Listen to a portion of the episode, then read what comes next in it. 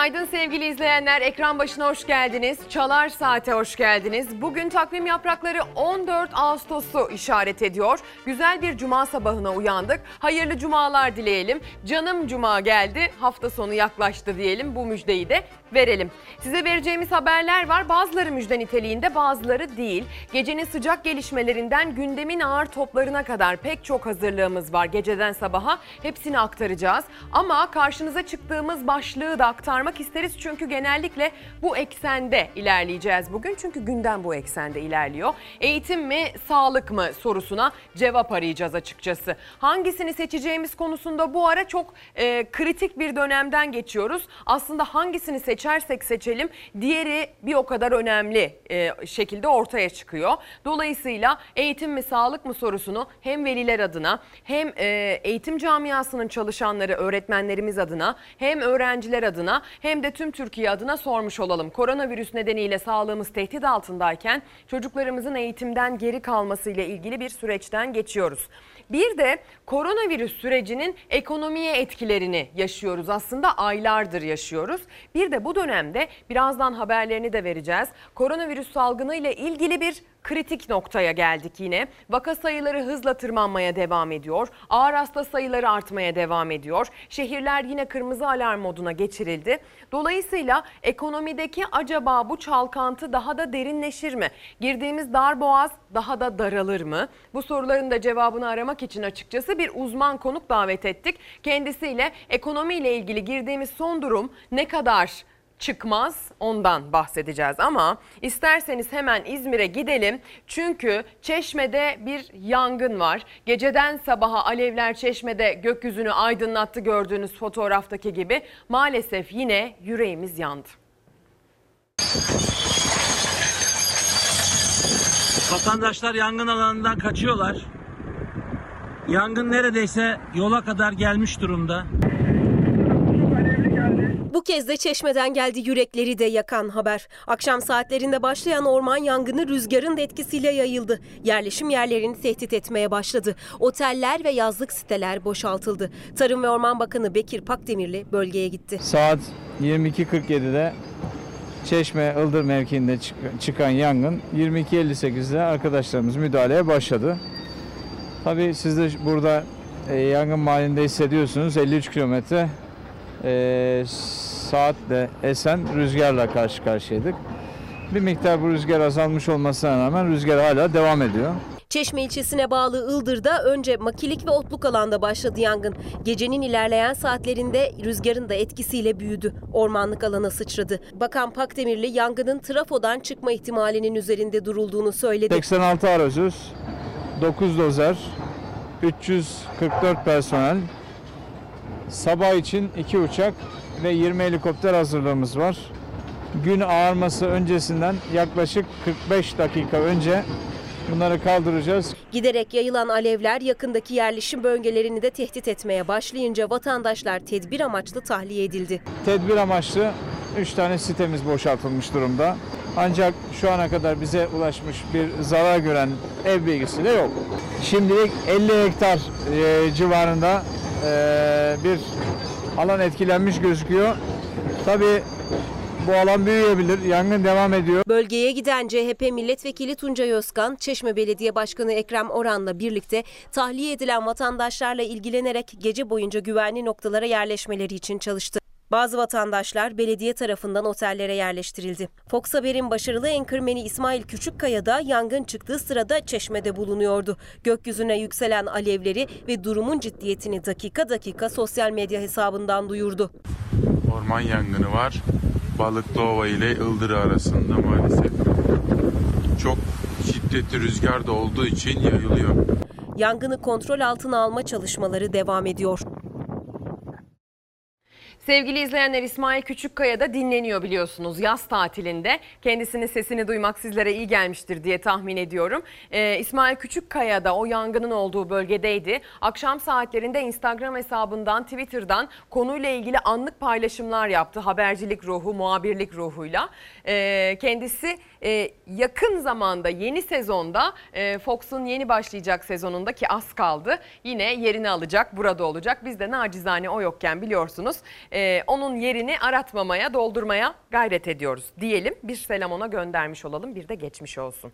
Hem İsmail Küçükkaya hem de tabii ki tüm çeşmelilere. Oradaki son durumu takip ediyoruz. Oradaki yönetenlerle de iletişim halindeyiz sevgili izleyenler. İlerleyen dakikalarda anlık bilgiler geldikçe Çeşme'deki orman yangınının son durumunu size aktarmayı sürdüreceğiz. Az evvel de söyledim ya gündemin çok ağır topları da var. Her ne kadar e, yaz tatili gelmiş olsa da normal şartlarda siyaset belki biraz rolantide mi gider? Acaba tatile mi çıkar diye düşüneceğimiz bir dönemde olsak da hayır öyle olmuyor. Gündemin en gergin ve en önemli maddelerinden biri tabii ki Doğu Akdeniz.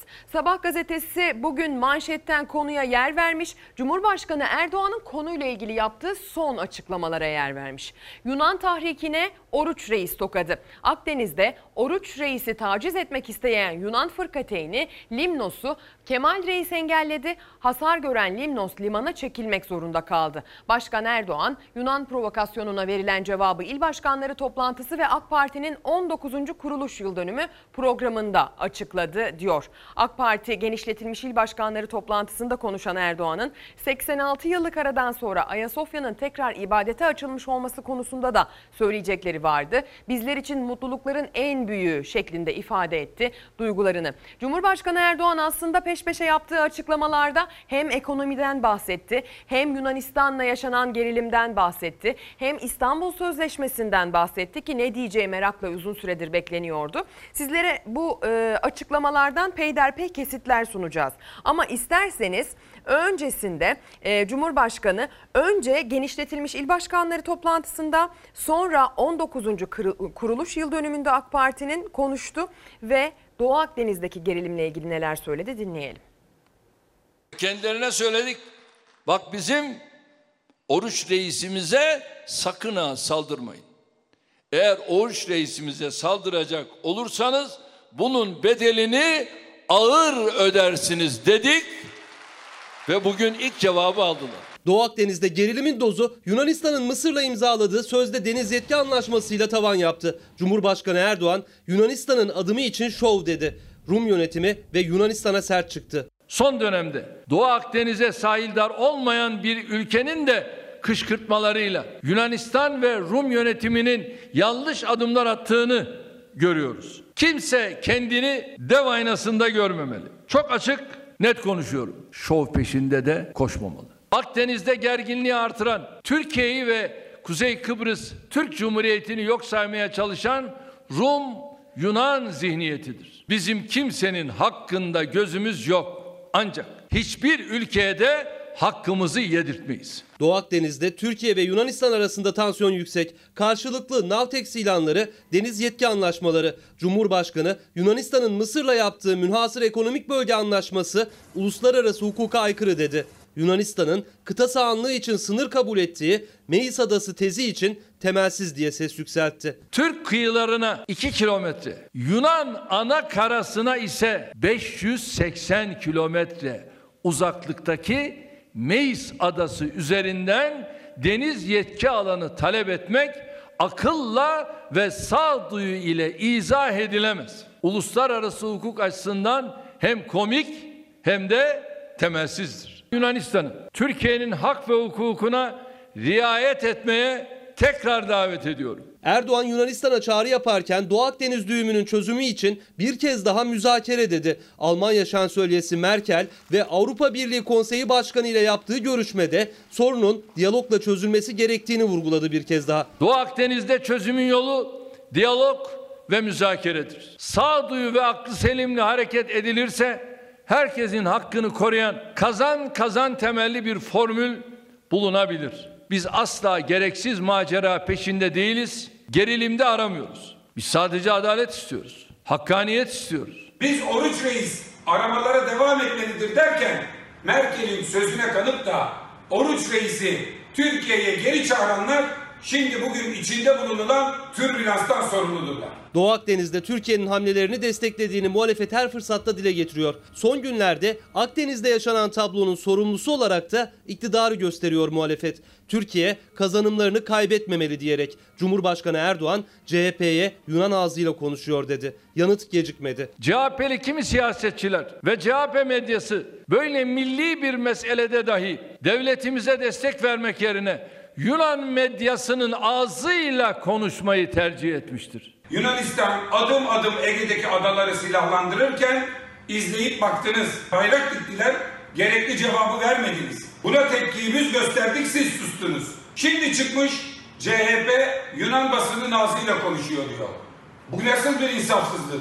Bu kadar büyük bir yalanı atabilmek nasıl bir cesaret? Bir yanda Türkiye'nin diyalog ve çözüm önerileri, diğer yanda gerilimi düşürmek yerine daha da tırmandıran Yunanistan'ın adımları. Dünyanın gözü Doğu Akdeniz'de.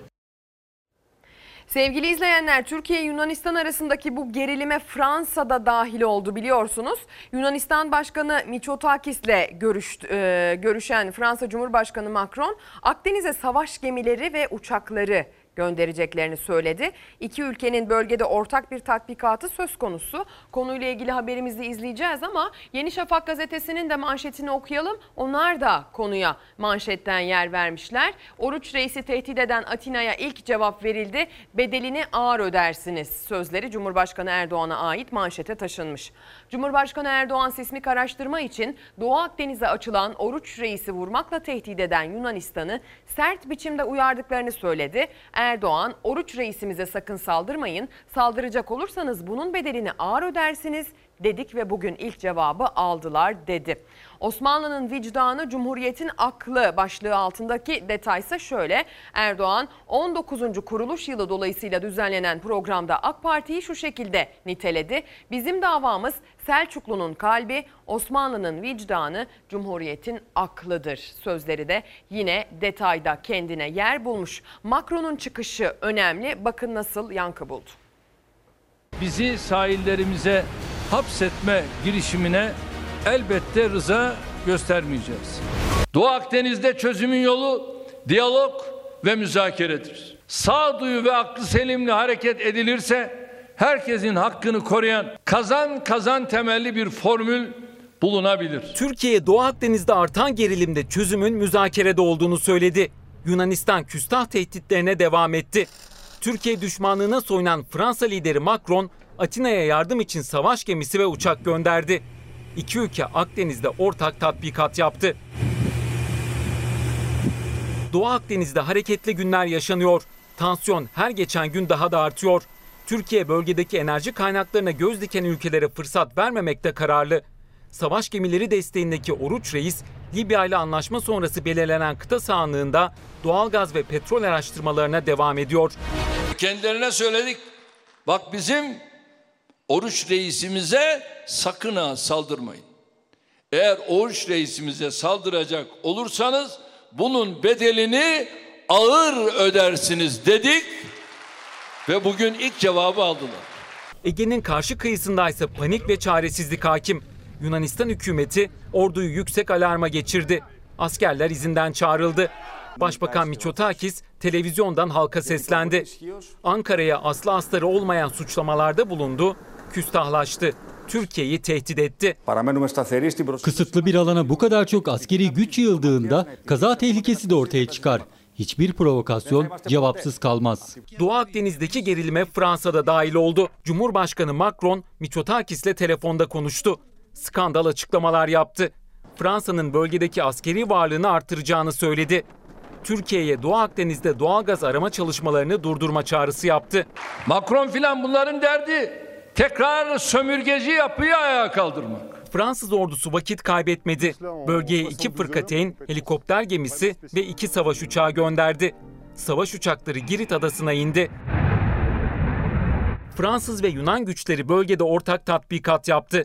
Tatbikatın Türkiye'nin Navtex ilan ettiği bölgeyi de kapsayacak şekilde gerçekleştiği açıklandı. Yunanistan Başbakanı Mitsotakis, Mısır'ın darbeci lideri Sisi ile de telefonda görüştü. İki lider, Ankara için hiçbir geçerliliği olmayan deniz yetki alanlarını sınırlandırma anlaşmasını ele aldı. İşbirliğini arttırmakta anlaştı.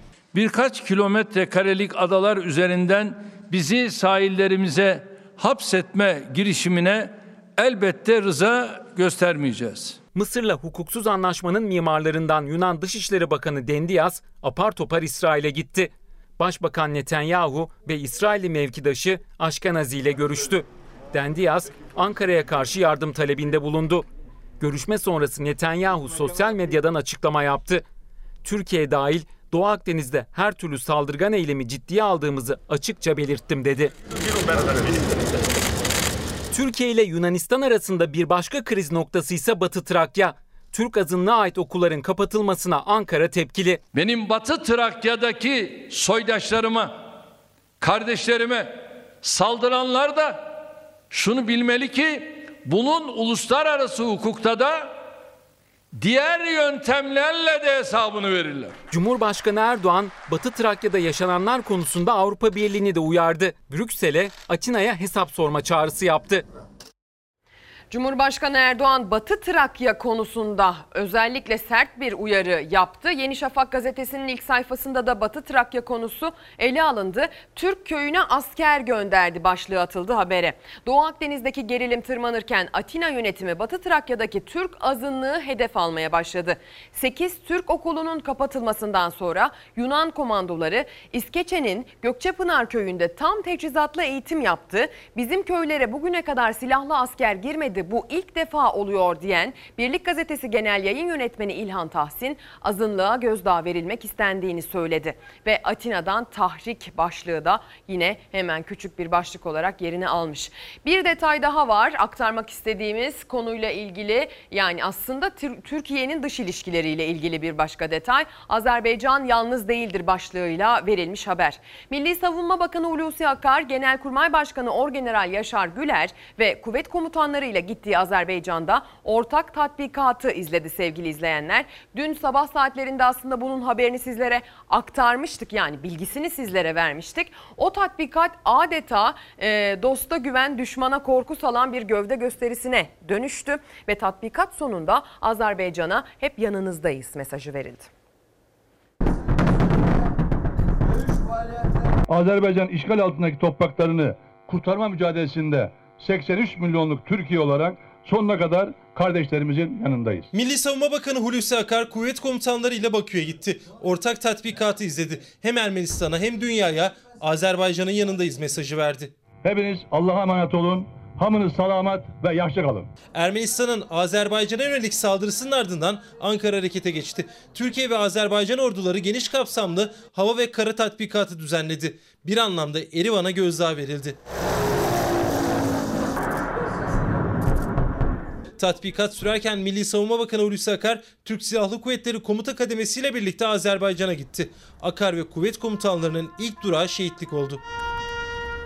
Kahramanlık ve fedakarlıklarınız nesiller boyu daima şükranla hatırlanacaktır. Siz kahraman şehitlerimizi rahmet ve minnetle yad ediyorum.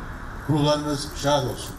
Hulusi Akar, Azerbaycan Savunma Bakanı Zakir Hasanoğlu birlikte tatbikat alanına gitti. Briefing aldı. Ardından komutanlarla birlikte gövde gösterisine dönüşen tatbikatı izledi. Hedefler tam isabetle hem karadan hem de havadan imha edildi. Bakan Akar ortak tatbikatın sonunda asker ve komutanlara konuştu. Hocalı'da soykırım yapan ve Azerbaycan topraklarını işgal eden Ermenistan'a en net mesajı verdi. Hocalı'da tüm dünyanın gözleri önünde geçtiğimiz yıllarda soykırım yapan, yukarı bağı hiçbir hukuki gerekçe ve meşruiyete dayanmadan işgal eden Ermenistan'a karşı tüm imkanlarımızla Azerbaycan'ın, Azerbaycanlı silah arkadaşlarımızın sonuna kadar yanındayız. Azerbaycan yalnız değildir. Azerbaycan yalnız değildir diyelim. Oradan izleyicilerimize de selamlarımızı gönderelim. Eğitim mi sağlık mı diye sorduk. Çok zor bir soru. Aslında soru çeşitlendirilebilir biliyor musunuz? Eğitim mi, sağlık mı, ekonomi mi diye de aslında uzatılabilir. Bugün ekonomi özelinde de duruma bakacağız çünkü. Mesajlarınız gelmeye başladı Twitter ve Instagram'dan. Can Kaynar da günaydın. Eğitim mi, sağlık mı sorusuna sağlıklı eğitim demek isterdim. Ama bu sene sağlık ön plana çıktı. Eğitimi telafi ederiz ama diğerinin telafisi yok diye yazmış yollamış. Bir diğer izleyicimiz Ebru Hanım gönderiyor. Eğitim mi sağlık mı? Sağlık olmasa eğitim, eğitim olmasa gelecek olmayacak. Ne olur 10 numara etkileşim ve planlamayla üstesinden gelelim diyor. Ankara'dan selamlarını göndermiş. Aldık kabul ettik. Çok teşekkür ederiz güzel e, dileklerinizi.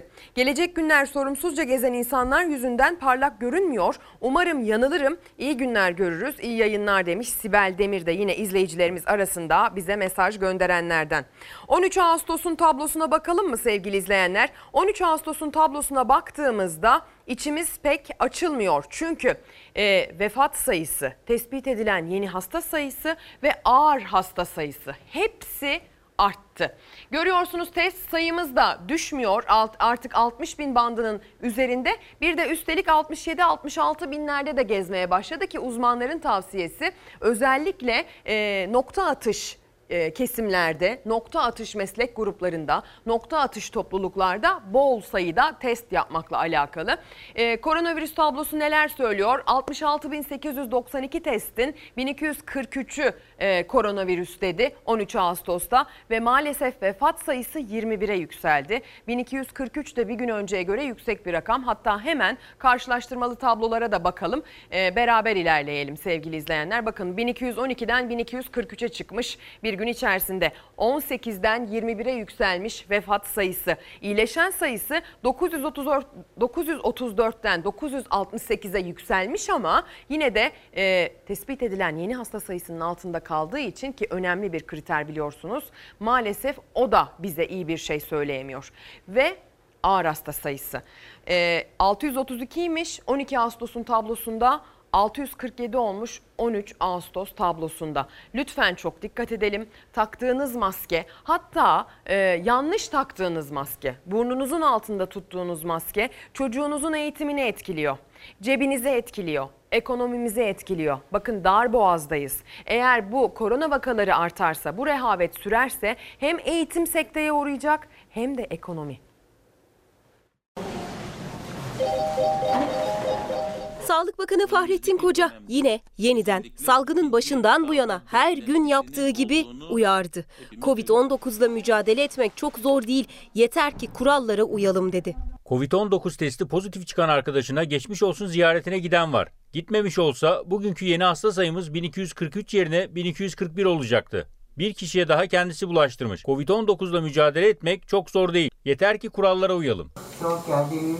Ağır hasta sayısı dünden bugüne yine 15 kişi arttı. 647 oldu. Sağlık Bakanı Fahrettin Koca son verileri sosyal medya hesabından duyururken hasta sayımızdaki artış süreklilik kazanmaya başladı dedi. Filyasyon ekiplerinin 6-13 Ağustos arasında tam 349.003 temaslı tarama yaptığı bilgisini verdi.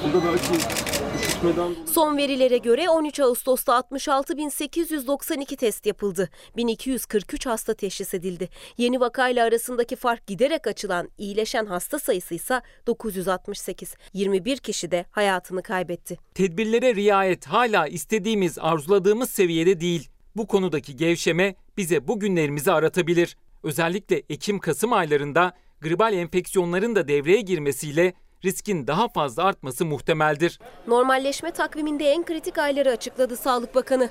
Bölgesel vaka artışlarına dikkat çekti. Bu artışların özellikle Ekim-Kasım ayı gibi sonbaharda hız kazanabileceğini duyurdu. Önümüzdeki günlerde yeni düzenlemelerin de duyurulacağını açıkladı. Ekonomiye de bakacağız. Sonrasında aşı gelişmelerini de aktaracağız. Biliyorsunuz Muharrem İnce'nin bir hareket başlatma durumu söz konusuydu. Günlerdir yapılacağı açıklama dikkatle bekleniyordu. O da zannedersem dikkatleri üzerine toplama çabasındaydı. Ki gerçekten bu konuda başarılı oldu. Dün sabah saat 10.30'da biz tam yayından çıkarken bütün kanallarda hatta hiç ummayacağınız kanallarda dahi Muharrem İnce'nin açıklaması canlı olarak aktarıldı. Muharrem Muharrem İnce yaptığı açıklama sonrasında tabii ki CHP'den bir yanıt da aldı. Ee, hem sözlü bir yanıt hem yazılı bir yanıt söz konusu. Konuşma içerisinde CHP ile ilgili seçim sürecinde yaşadıkları ile ilgili bazı iddiaları da vardı. CHP yazılı açıklamasında o iddialara teker teker yanıt verdi. Bahçeli cephesinden bir açıklama geldi. Bahçeli İnce'nin bu çıkışını aslında olumlu karşıladı sevgili izleyenler. Ee, ve Kılıçdaroğlu ile Akşener'de dün itibariyle bir açılıştaydılar. Millet İttifakı'nın iki lideri olarak birlikte bir resim verdiler ama zaten planlıydı. Önceden bu programda açıklanmıştı. Hemen olayın üzerine alınan o resimde anlam kattı dünkü tabloya. Bunların hepsini birlikte anlamaya, okumaya çalışacağız ama biraz gazete okuyalım öncesinde. Koronavirüs dedik, eğitimi sekteye uğratacak dedik. Sağlık mı, eğitim mi diye çok zor bir soru sorduk. Çünkü cevabını veremiyoruz. Bakın Sözcü gazetesinin ilk sayfası ne diyor? Öğretmenlerin %90'ı okullar açılmasın dedi. Eğitim İş Sendikası bini aşkın öğretmenle korona anketi düzenledi. Öğretmenlerin %90'ı vaka sayısı binin altına düşmeden okullar açılmasın dedi. Üçte biri ise vaka sayısı sıfırlanırsa açılsın görüşünde diyor Ali Ekber Ertürk'ün haberine göre. İlerleyen dakikalarda eğitim konusuna, üniversitelerin açılacağı tarih konusuna, üniversitelere atanan rektörler konusuna daha detaylı bakacağız.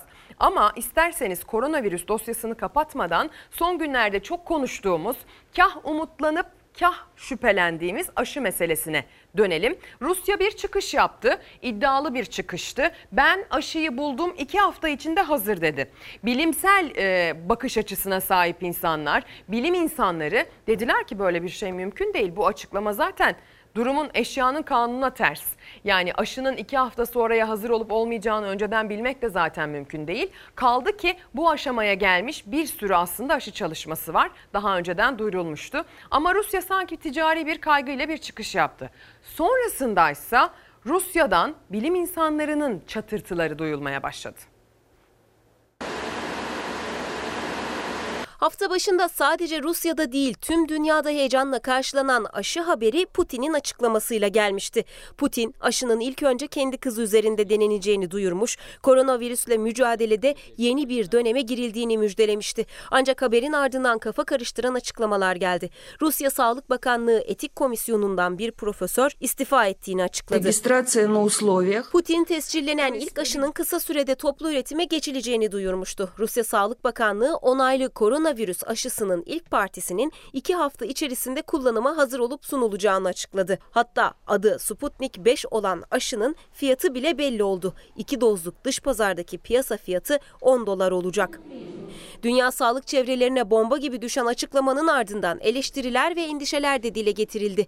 Dünya Sağlık Örgütü ve ABD aşıya karşı temkinli yaklaştı. Ama Rus yetkililer şimdiden 20'den fazla ülkeden ve ABD'li bazı şirketlerden talepler geldiğini söyledi. Tartışmalar devam ederken Rusya'dan şok eden bir istifa haberi geldi. Rusya Sağlık Bakanlığı Etik Komisyonu'nun önemli üyelerinden Profesör Alexander Çukalin istifa ettiğini açıkladı. Profesör aşının tüm kontrolleri yapılmadan onaylandığını ve bu durumu engelleme çabaları sonuçsuz kalınca etik komisyonundaki görevinden istifa ettiğini duyurdu. Hürriyet'in haberine göre Çukalin istifa açıklamasını yaparken aşının arkasında olduğu bilinen iki ismi özellikle işaret etti. Bu isimler aşının geliştirildiği Gamaleya Araştırma Merkezi'nin direktörü Profesör Ginsburg ve Rus ordusunda albay olarak görev yapan virolog Profesör Borisevich. Çukalin açıklamasında hiçbir cana zarar vermeme etik ilkesinin çiğnendiğini söyledi. Rusya'nın aşısına çok ağır bir eleştiri de Sibirya'da bulaşıcı virüslerle çalışan bir laboratuvarın eski başkanı Profesör Çepurnov'dan geldi. Çepurnov, aşılarda yer alan bazı antikorlar virüsü artırarak hastalığı yok etmek yerine daha da güçlenmesine sebep olabilir dedi. Şimdi gözler Rus yetkililerden gelecek açıklamalarda. Sevgili izleyenler Rusya'da bilim insanları konuyla ilgili muhalif açıklamalar hatta e, istifalar yöneltmeye başladılar. Eğitim mi sağlık mı diye sorduk. Bu soruyu bugün sormuyoruz. Bu soruyu günlerdir soruyoruz. Sadece biz sormuyoruz. Aslında herkes, tüm dünya sizler de soruyorsunuz. E, bu sorunun cevabına dün yayınımız sırasında iki farklı konuğumuzla da aslında dolaylı yoldan yanıt aramaya çalıştık. E, dediler ki koyulacak hedef tarih hedefi olmamalı. İki farklı konuğumuz. Biri koronavirüs konusunda, tıp konusunda uzman, biri eğitim konusunda uzman. Tarih belirlerseniz eğer bir sonraki hedef olarak o tarihte de durum benzer olacağı için yine belirsizliği derinleştirirsiniz, körüklersiniz. Ama hedef koyarsanız hatta bölgesel, yerel hedefler koyarsanız şu bölgede vaka sayısı şu kadara düşecek gibi mesela e, örnek veriyorum. E, o zaman hem vatandaş motive olur o hedefe ulaşmak için çaba sarf eder hem de herkes belirsizliğin e, içine içinde bulundurduğu o bulanımı yaşamamış olur dediler. Hadi gelin o uzmanlara bir kez daha kulak verelim. Günaydın çocuklar.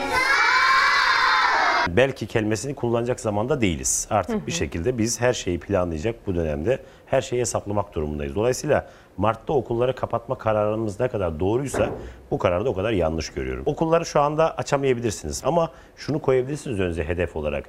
Hangi sayılar olursa biz bu okulları açacağız. Okulların açılışı için ikinci bir tarih belirledi Milli Eğitim Bakanlığı. Ama tedbirlere ne kadar uyacağımıza bağlı uyarısında bulunarak sağlık ve eğitim uzmanlarının tepkisi de buna. Onlara göre hala belirsizlik hakim.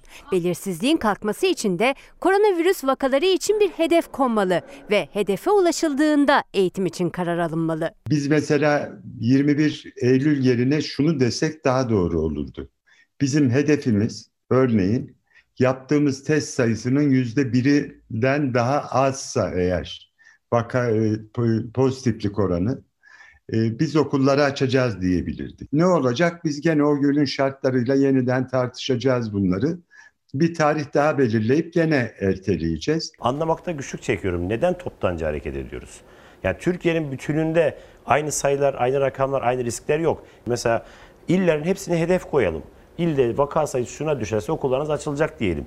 Belki o zaman vaka sayıları kötü olan il çaba gösterir okulların açılması için buna. Şu an biz her şeyle kaybediyoruz. Ezgi Gözeger'le Çalar Saat'in konuğu olan eğitim uzmanı Turgay Polat'a göre öğrencilerinin uzaktan eğitime ulaşmakta güçlük çektiği az mevcutlu geniş bahçeli köy okullarıyla büyük şehirlerdeki binlerce öğrencisi olan okullar eşit tutulmamalı.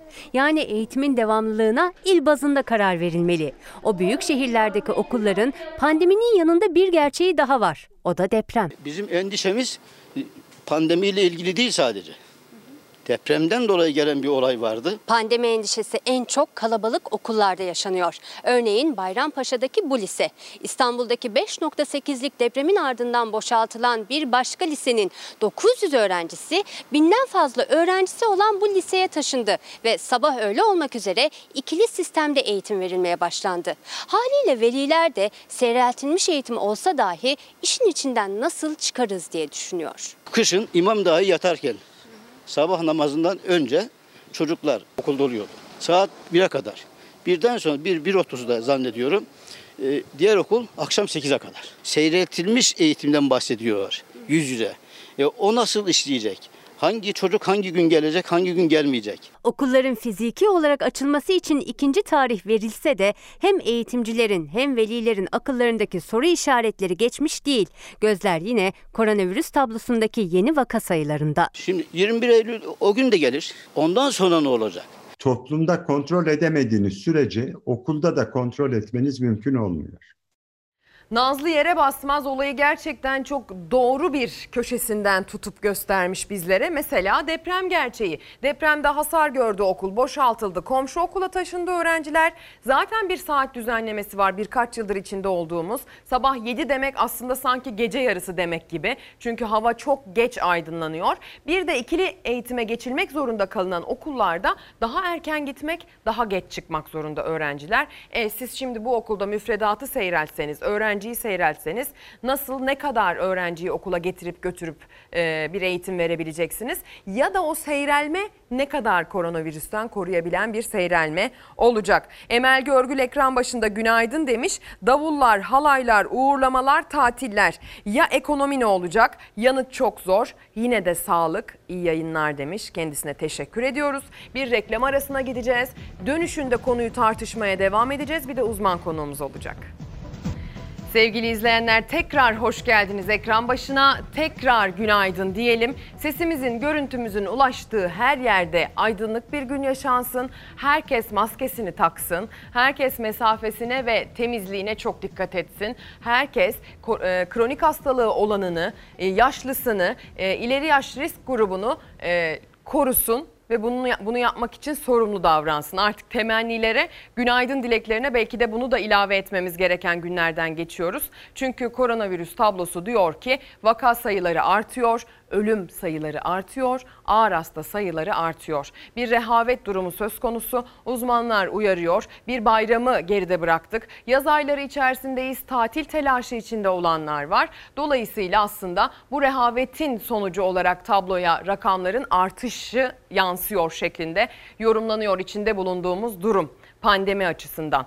Bundan genişçe söz edeceğiz. Eğitim mi sağlık mı diye sorduk hatta biliyorsunuz. Eğitim mi sağlık mı sorusuna gönderdiğiniz cevapları okudum. İkisi de çok önemli diyen var. Tabii ki önce sağlık ama eğitim de çok önemli diyenler var.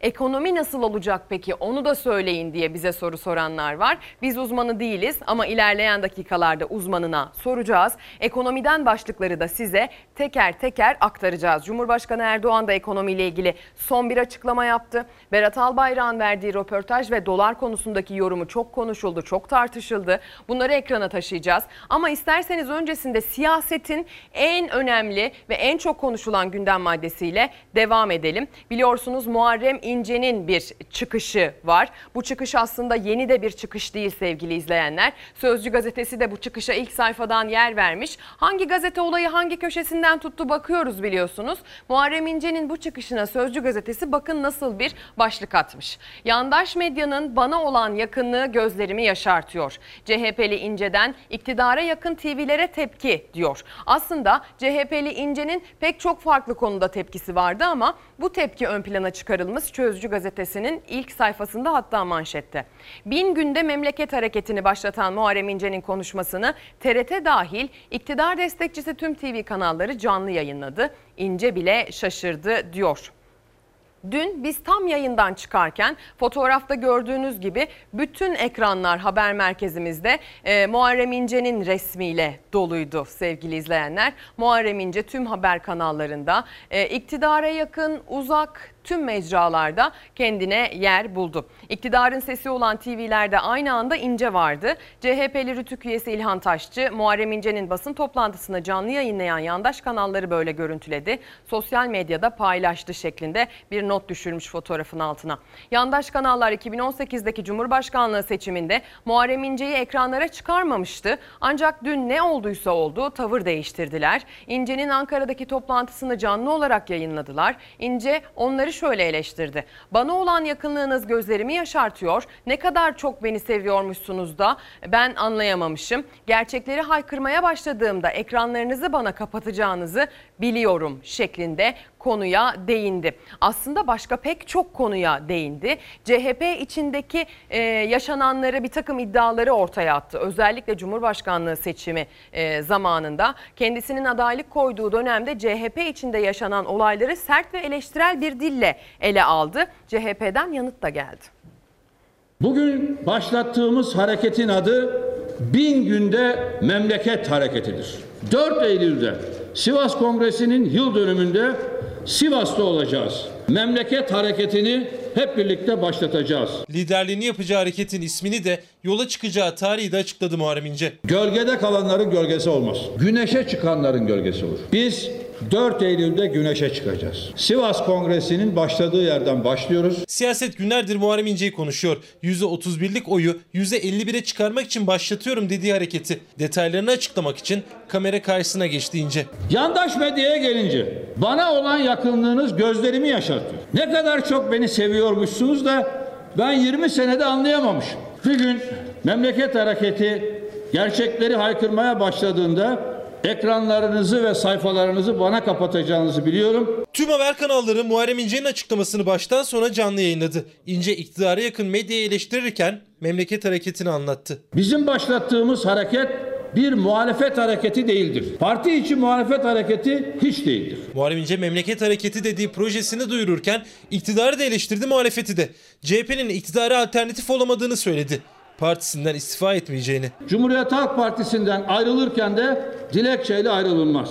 Ayrılsam bile Cumhuriyet Halk Partisi'ni kurtarmak için ayrılırım. Tıpkı Mustafa Kemal Atatürk'ün İstanbul'u kurtarmak için ayrılıp Ankara'ya gitmesi gibi. Parti kurmuyor, hareket başlatıyor. Muhalefet değil ama iktidar olmak istiyor İnce. Zafere hazırlanıyoruz sözleriyle alanında uzman kişilerden oluşmuş bir kadroyla Anadolu'yu dolaşacak. Partiyi bölüyor yorumlarına da tepkili. Bu Cumhur İttifakı. Bu da Millet İttifakı. Yani ben bu Millet İttifakı'ndan ayrılıp buraya mı geçiyorum? Niye bölmüş oluyorum? Buradan buraya su taşıyacak mıyım? Hayır. Muharrem İnce hareketin amacını hedefini anlattı. Bu hareketin bir partiye dönüşüp dönüşmeyeceğini zaman gösterecek dedi. Bizim hareketimizde asla Atatürk düşmanları olmayacaktır. Bu hareket aklı ve bilime esas alacaktır. Irk, din, dil, mezhep, cinsiyet ayrımcılığına şiddetle karşı çıkacaktır. Dolar 7.20'leri aşmışken, hukuk sistemi çökmüş, adalet can çekişirken yola çıkmanın tam zamanıdır. Yolumuz zordur, kenetlenerek bu zorluğu aşacağız.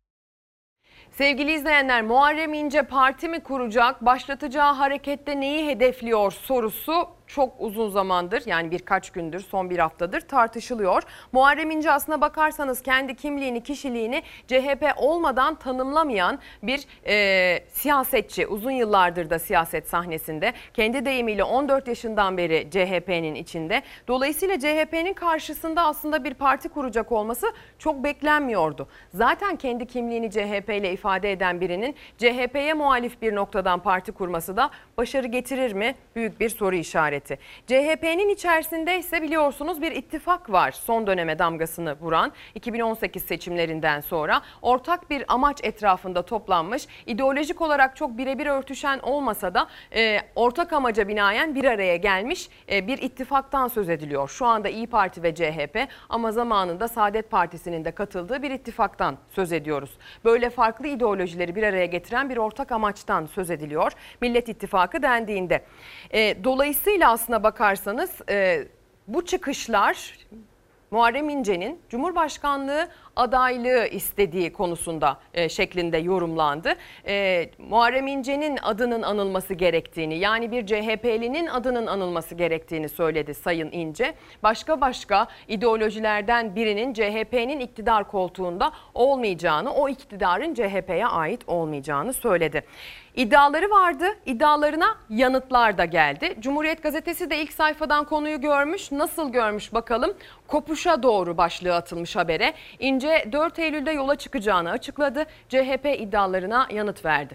Muharrem İnce CHP yönetimine eleştiriler yönelterek 4 Eylül'de Sivas'ta başlatacağı hareketin adının bin günde memleket hareketi olduğunu açıkladı. Cumhurbaşkanlığı seçiminde kazanmaması için CHP yönetiminin her şeyi yaptığını ileri süren İnce gazetecilere de soru hakkı vermedi diyor. İnce'nin 6 iddiasına CHP'den yanıt geldi. İsim verilmeden Cumhurbaşkanı adayına her türlü desteğin verildiği, ittifak partileriyle sandıklara sahip çıkıldığı belirtildi. İnce'nin kendisini ihraç ettirmek istediğini düşünen CHP yönetimi tepkisizlik stratejisi uygulayacak deniyor. Her ne kadar bir tepkisizlik stratejisi uygulama kararı alsa da CHP tabii ki e, o iddialara yanıt vermek durumundaydı.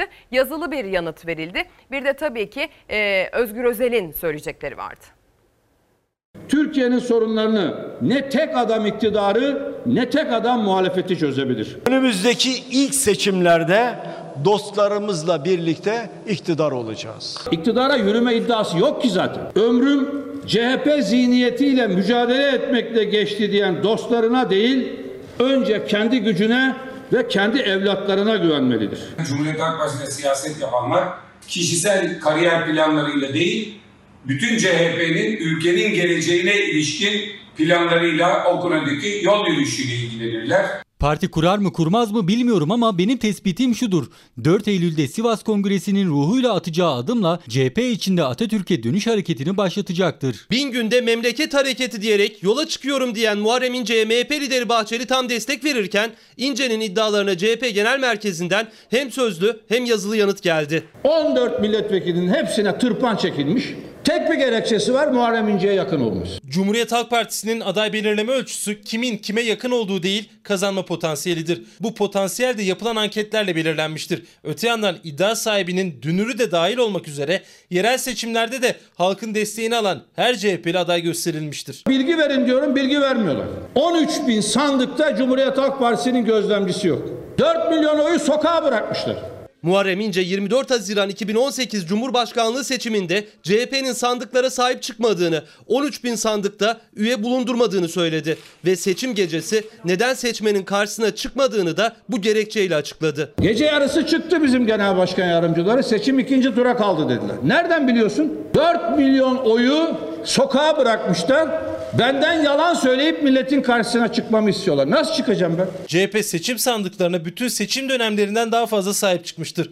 Gösterilen başarı sayesinde Cumhuriyet Halk Partisi ve Millet İttifakı daha önceki seçimlerde başarısız olunan birçok seçim bölgesinden milletvekili çıkarmıştır. İstanbul'u, Ankara'yı, Adana'yı, Mersin'i, Hatay'ı bize Kürt vatandaşlarımız kazandırdı. Cumhuriyet Halk Partisi Kürt vatandaşlarımıza böyle yürekten bir teşekkür edemedi.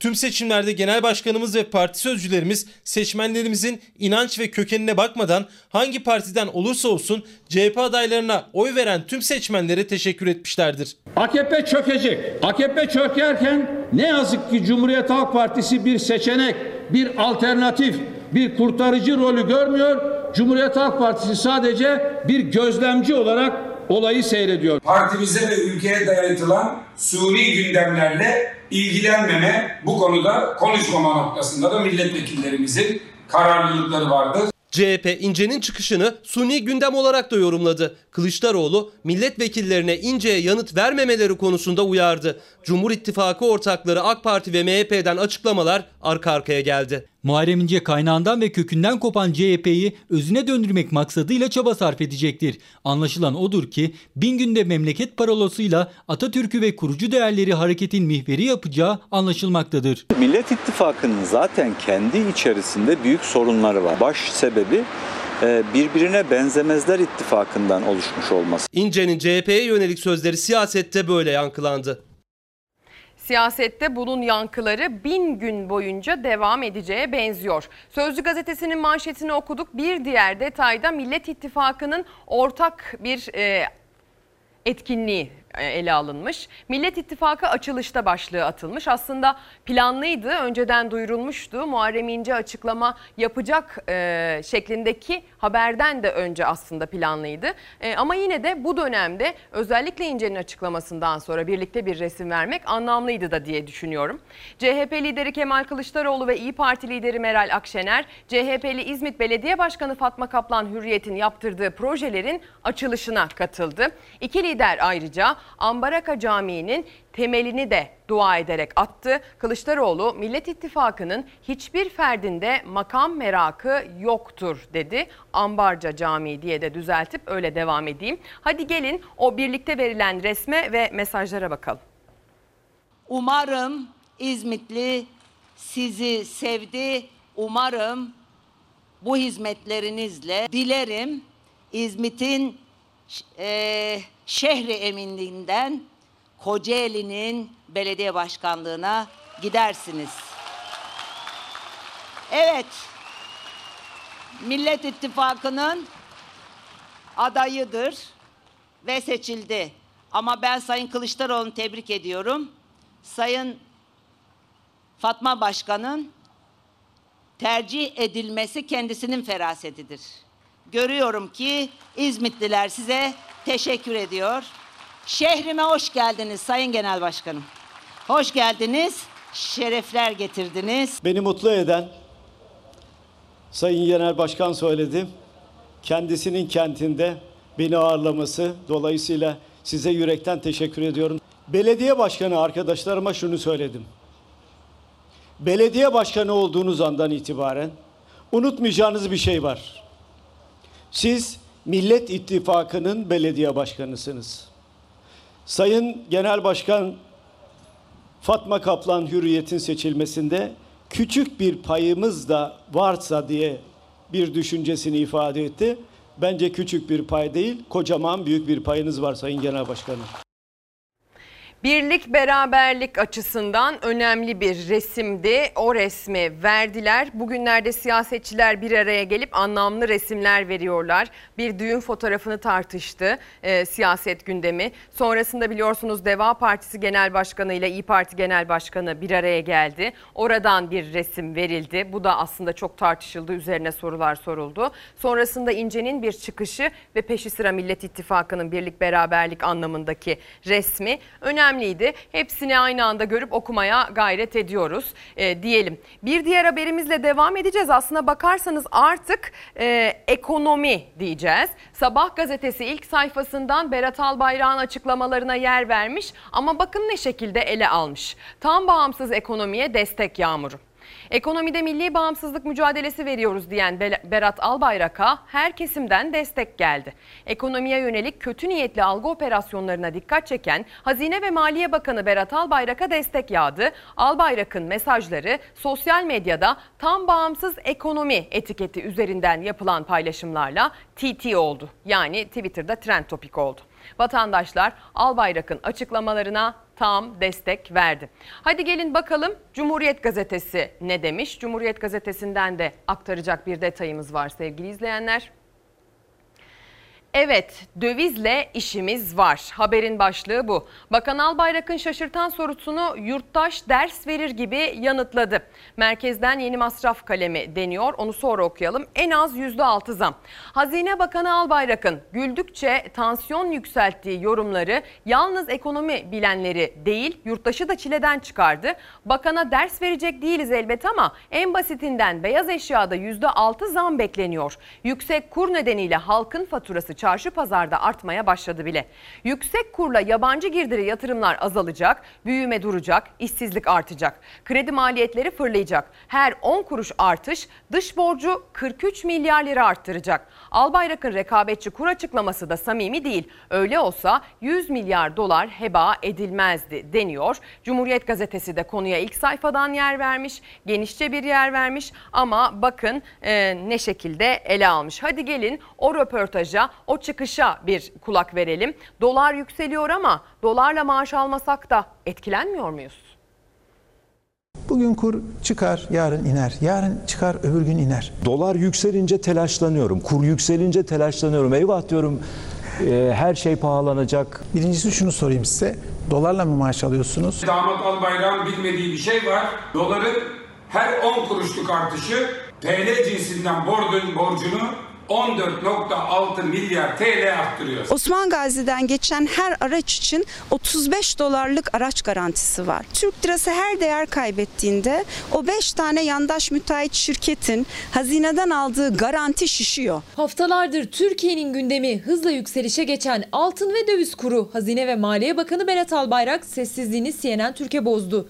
Endişelenmeli miyiz diyen Ahmet Hakan'a dolarla mı maaş alıyorsunuz yanıtı muhalefetin gündeminde. 20 kuruş çıktı 10 kuruş indi 30 kuruş çıktı 20 kuruş indi. 2 sene önce bu seviyelerdeydi dolar aya çıkacak deniyordu falan düştü. Berat Albayrak'ı gördükten sonra memlekete kötülük etmek isteyenlerin bundan vazgeçtiklerine inanıyorum. Çünkü memlekete kötülük olarak bu ciddiyetsizlik yeter. Adam şikayet ediyor. Yurt dışına gidiyordum eskiden çok ucuza seyahatler yapıyordum pahalan. Vatandaşın böyle bir derdi yok.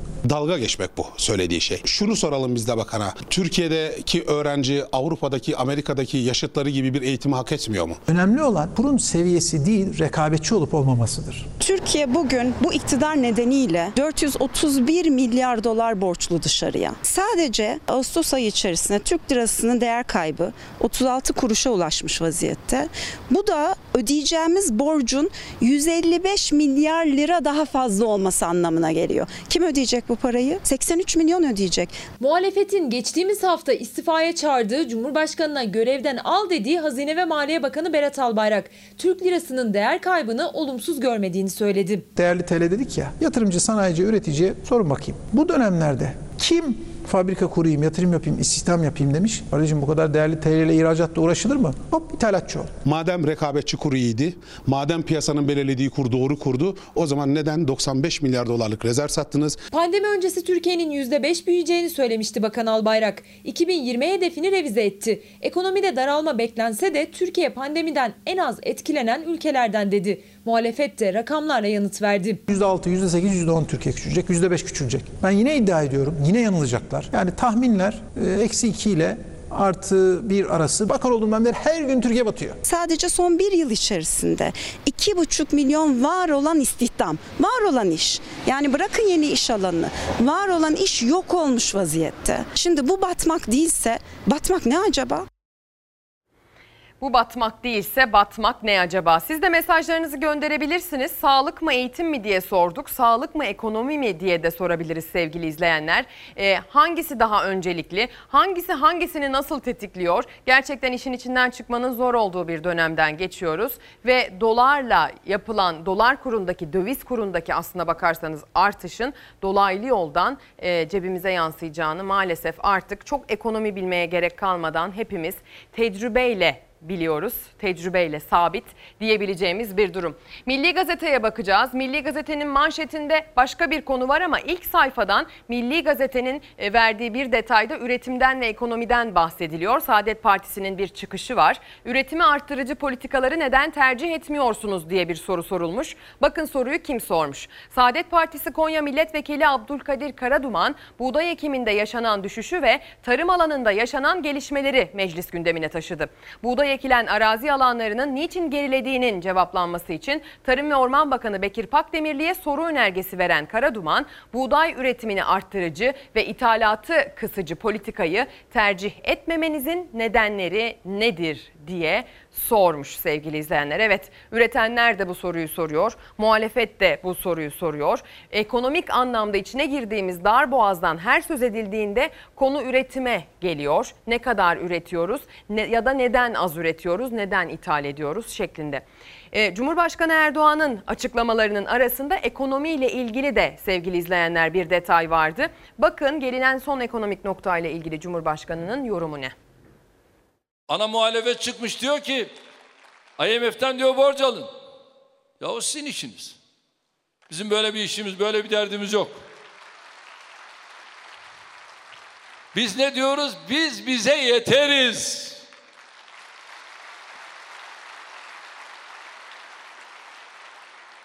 Bugüne kadar yettik, bundan sonra da yeteceğiz. 2002 öncesinde uluslararası doğrudan yatırımlar ülkemizin yolunu dahi bilmezken sadece bir yılda 20 milyar dolardan fazla hatta 23 milyar uluslararası yatırım çeker olduk. Merkez Bankamızın toplam rezervleri 27,5 milyar dolardı. Başbakanlığım döneminde 135 milyar doları bulduk. Fakat şu anda bir düşüş söz konusu. 90 küsür gibi bir rakamdayız. Yine toparlayacağız inşallah. Ve aynı şekilde Merkez Bankamızın gücü inşallah çok daha farklı bir getiriyi sağlayacak. Ekonomi konusunda Cumhurbaşkanı Erdoğan yaptığı her açıklamada bir parantez açıyor. Son günlerde özellikle beyaz eşya konusundaki alım gücünün artmasını ön plana çıkardı. Bu da aslında bir başka tartışma konusu olarak karşımıza çıktı. E, IMF'e borç verdik, borç aldık şeklindeki tartışma ise Sayın Babacan'la arasında bir diyaloğa dönüştü diyebiliriz. Muhalefet IMF'den borç almamız gerektiğini söylüyor şeklinde çıkışlar yapıyor. Gelinen son noktada Cumhurbaşkanı Erdoğan. Devam edeceğiz aslında ekonomiden devam edeceğiz. Sağlık mı eğitim mi dedik. Ee, pandeminin eğitim üzerindeki etkisinin çok tartışıldığı günlerden geçtiğimiz için. Ancak pandemi sadece eğitimle ilgili alınacak kararları, alınan kararları etkilemiyor. Aynı zamanda ekonomimizi de çok ciddi etkiledi, etkilemeye devam ediyor. Biliyorsunuz bir karar alındı. İşten çıkarılmasın kimse dendi. Ee, ve sonrasında pandemi sürecinde 2 milyona yakın kişinin ücretsiz izne çıkarıldığı ortaya çıktı sevgili izleyenler. Ee, ve yapılan ödeme sadece bu dönemde 1168 lira. Berat Albayrak'ın dolar açıklaması ortada. Size önce dolarınız var mı diye sorayım. Aranızda dolarla maaş alanınız var mı diye sorayım. Lütfen cevaplarınızı bize yazıp gönderin. Bir diğer sorum da şu olsun. 1168 lirayla geçinilir mi? Pandemiden dolayı e, müşteri gelmediği için kapanmış atölye. Ondan sonra atölye açıldığı için tek vardiya üzerine çalışıldığı için çağrılmadım. Ücretsiz izne mi çıkarıldı? Aynen evet. 1 milyar 168 ile geçinmesi zor oluyor. İstanbul'da Kiralar 1 milyar, 2 milyar, 3 milyar mesela. Ücretsiz izin ne yetiyor? Hiçbir şey hiçbir şey yetmiyor. Çalışma yok. Ücretsiz izni bırak şimdi işler de açılsa yine bize iş yok. Tek gelirleri 1168 lira. Aynı durumda olan 2 milyona yakın işçi var. Aslında işçiler ama işte değiller. Ücretsiz izindeler. Ücretsiz izin uygulaması işçiler açısından çok önemli mağduriyetler yarattı. Yaklaşık 2 milyon işçi arkadaşımız bugün itibariyle işverenler tarafından tek taraflı olarak işçilerin onayı olmaksızın ücretsiz izne çıkartılmış durumda. Yasak olmasına rağmen işten çıkarılan kişi sayısı gün geçtikçe artıyor. Bazı işverenler ise işçileri işten çıkaramadıkları için ücretsiz izne gönderiyor. Sadece son bir ayda 200 bin kişi ücretsiz izne gönderildi. Bu işçiler ne iş akdini feshedebiliyor ne de başka bir işte çalışabiliyor. Aldıkları 1168 lirayla geçimlerini sağlamaya çalışıyor. Devlet herhangi bir herhangi bir pazara çıksın sadece E, yeterli olup olmadığını orası da görüyor. Onlar da biliyorlar gerçi. Ücretsiz izne çıkarılanlar için belirlenen tutar 1168 lira. O para da işsizlik fonundan sağlanıyor. Aylık 1168 lirayla geçinmeye çalışanların sayısının da 2 milyona yaklaştığını açıkladı İşkur. Ücretsiz izne çıkartılan arkadaşlarımızın sayısının 2 milyona ulaşmış olması aileleriyle birlikte düşündüğümüzde neredeyse Türkiye nüfusunun onda birinin ücretsiz izin uygulaması adı altında sefalet ücretlerine, açlığa ve yoksulluğa mahkum edilmesi demek. Disk Başkanı Arzu Çerkezoğlu ücretsiz izne çıkarılan işçilerin yaşadıkları mağduriyeti dile getirdi. Ödenen tutarın açlık sınırının altında olduğuna dikkat çekti. Ücretsiz izin açlıktır, yoksulluktur. Günlük 39 lirayla aylık 1168 lira gibi açlık sınırının bile altındaki bir asgari ücretin yarısı kadar bir ücretle yaşamaya mahkum edilmesidir. Bir buçuk milyar ev kirası. Üç, iki tane çocuk okuyor. Nasıl yeterli? Kira, mutfak masrafı, ulaşım derken giderler gelirin neredeyse 3 katına denk geliyor. Geçimini sağlayamayan birçok kişi çıkmazda işten ayrılsa yeni iş yok. Benim ailem pazarcı. Ee, pazarcı oldukları için herhangi bir gelirleri zaten pazar haricinde bir gelirimiz yok. Biz o dönemde en çok zorluk çeken kişilerden biri olduk. Okuduğum yerde de kafede falan öğrenci olduğum için çalışıyorum. E kafelerde kapanınca doğal olarak bin lira farklı farklı yerlere gidiyor. Bir ay bile yetmiyor. İşi bırakmadım. Ee, işten de bu yani bıraksak da o, o anda zaten iş bulamazdım. Para yok, e, iş yok. Çoluk çocuk var. Biraz mecbur kredi çektik. Ancak o şekil dönebildik. Atmaca Altay Cuma kullanıcı adıyla bir izleyicimiz demiş ki Ezgi Hanım eşimi ücretsiz izne çıkardılar. 1250 lira sadece ev kredimiz var. Varın siz düşünün bunun elektrik, su, doğalgaz, pazar, gıda masraflarını aman Allah'ım deli olacağım gel de yaşa 1168 lirayla demiş. Kıdemli fosil kullanıcı adıyla bir izleyicimiz de demiş ki Ezgi Hanım zaten dolarla maaş alsak niye dert edelim? Dolarla maaş alsak kur arttıkça alım gücümüz de artardı diyor.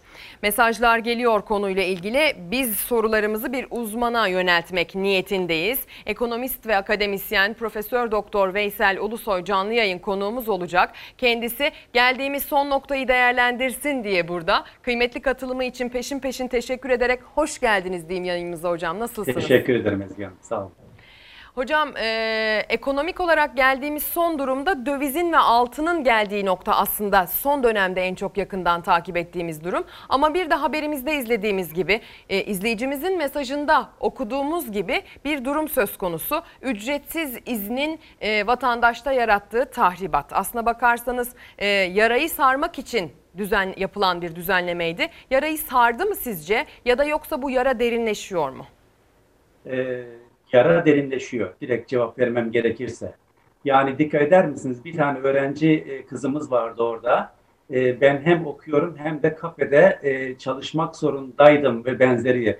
Düşünebiliyor musunuz? Bir öğrencinin tam zamanlı okula adapte olması, oradaki laboratuvar derslerine girmesi, orada stajlarını yapması gerekirken bir yan aklının bir yanıyla geçim derdinde veya ailesine ne kadar yük olmayacağım derdinde. Çok acı bir şey aslında bu.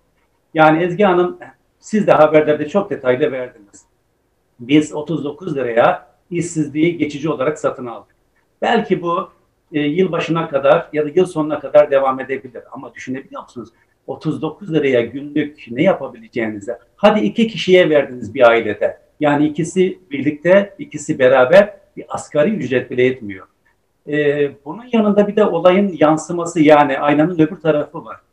Şimdi işçiyi e, kısa çalışma ödeneğiyle evine gönderen bir işletme ya da geçici olarak evine giden bir işletme ödeneği alan bir e, işçiyle beraber iş yapmıyor anlamına gelir. Ona da biz e, piyasadan çıkmayı ya da iflas etmeyi de yasakladık. Yani bir bakıma e, ben artık iflas ettim, borçlarımı ödeyemiyorum, kapatacağım dükkanımı, fabrikamı diyen kişiye de hayır yapamazsın çünkü senin de işçilerin, çalışanların kısa çalışma ödeneğinden yararlandı diye e, bir e, hukuki engel koyuyoruz. Kısacası söylemek gerekirse ekonomide dengelerin çoğu sarsıldı. Aslında bütün piyasalarda hemen hemen örneğin emek piyasasında, iş gücü piyasasında, para piyasasında ve ürün piyasasında şu anda tüm dengesizlikleri yaşıyoruz diyebiliriz. Bu bağlamda resim çok kötü.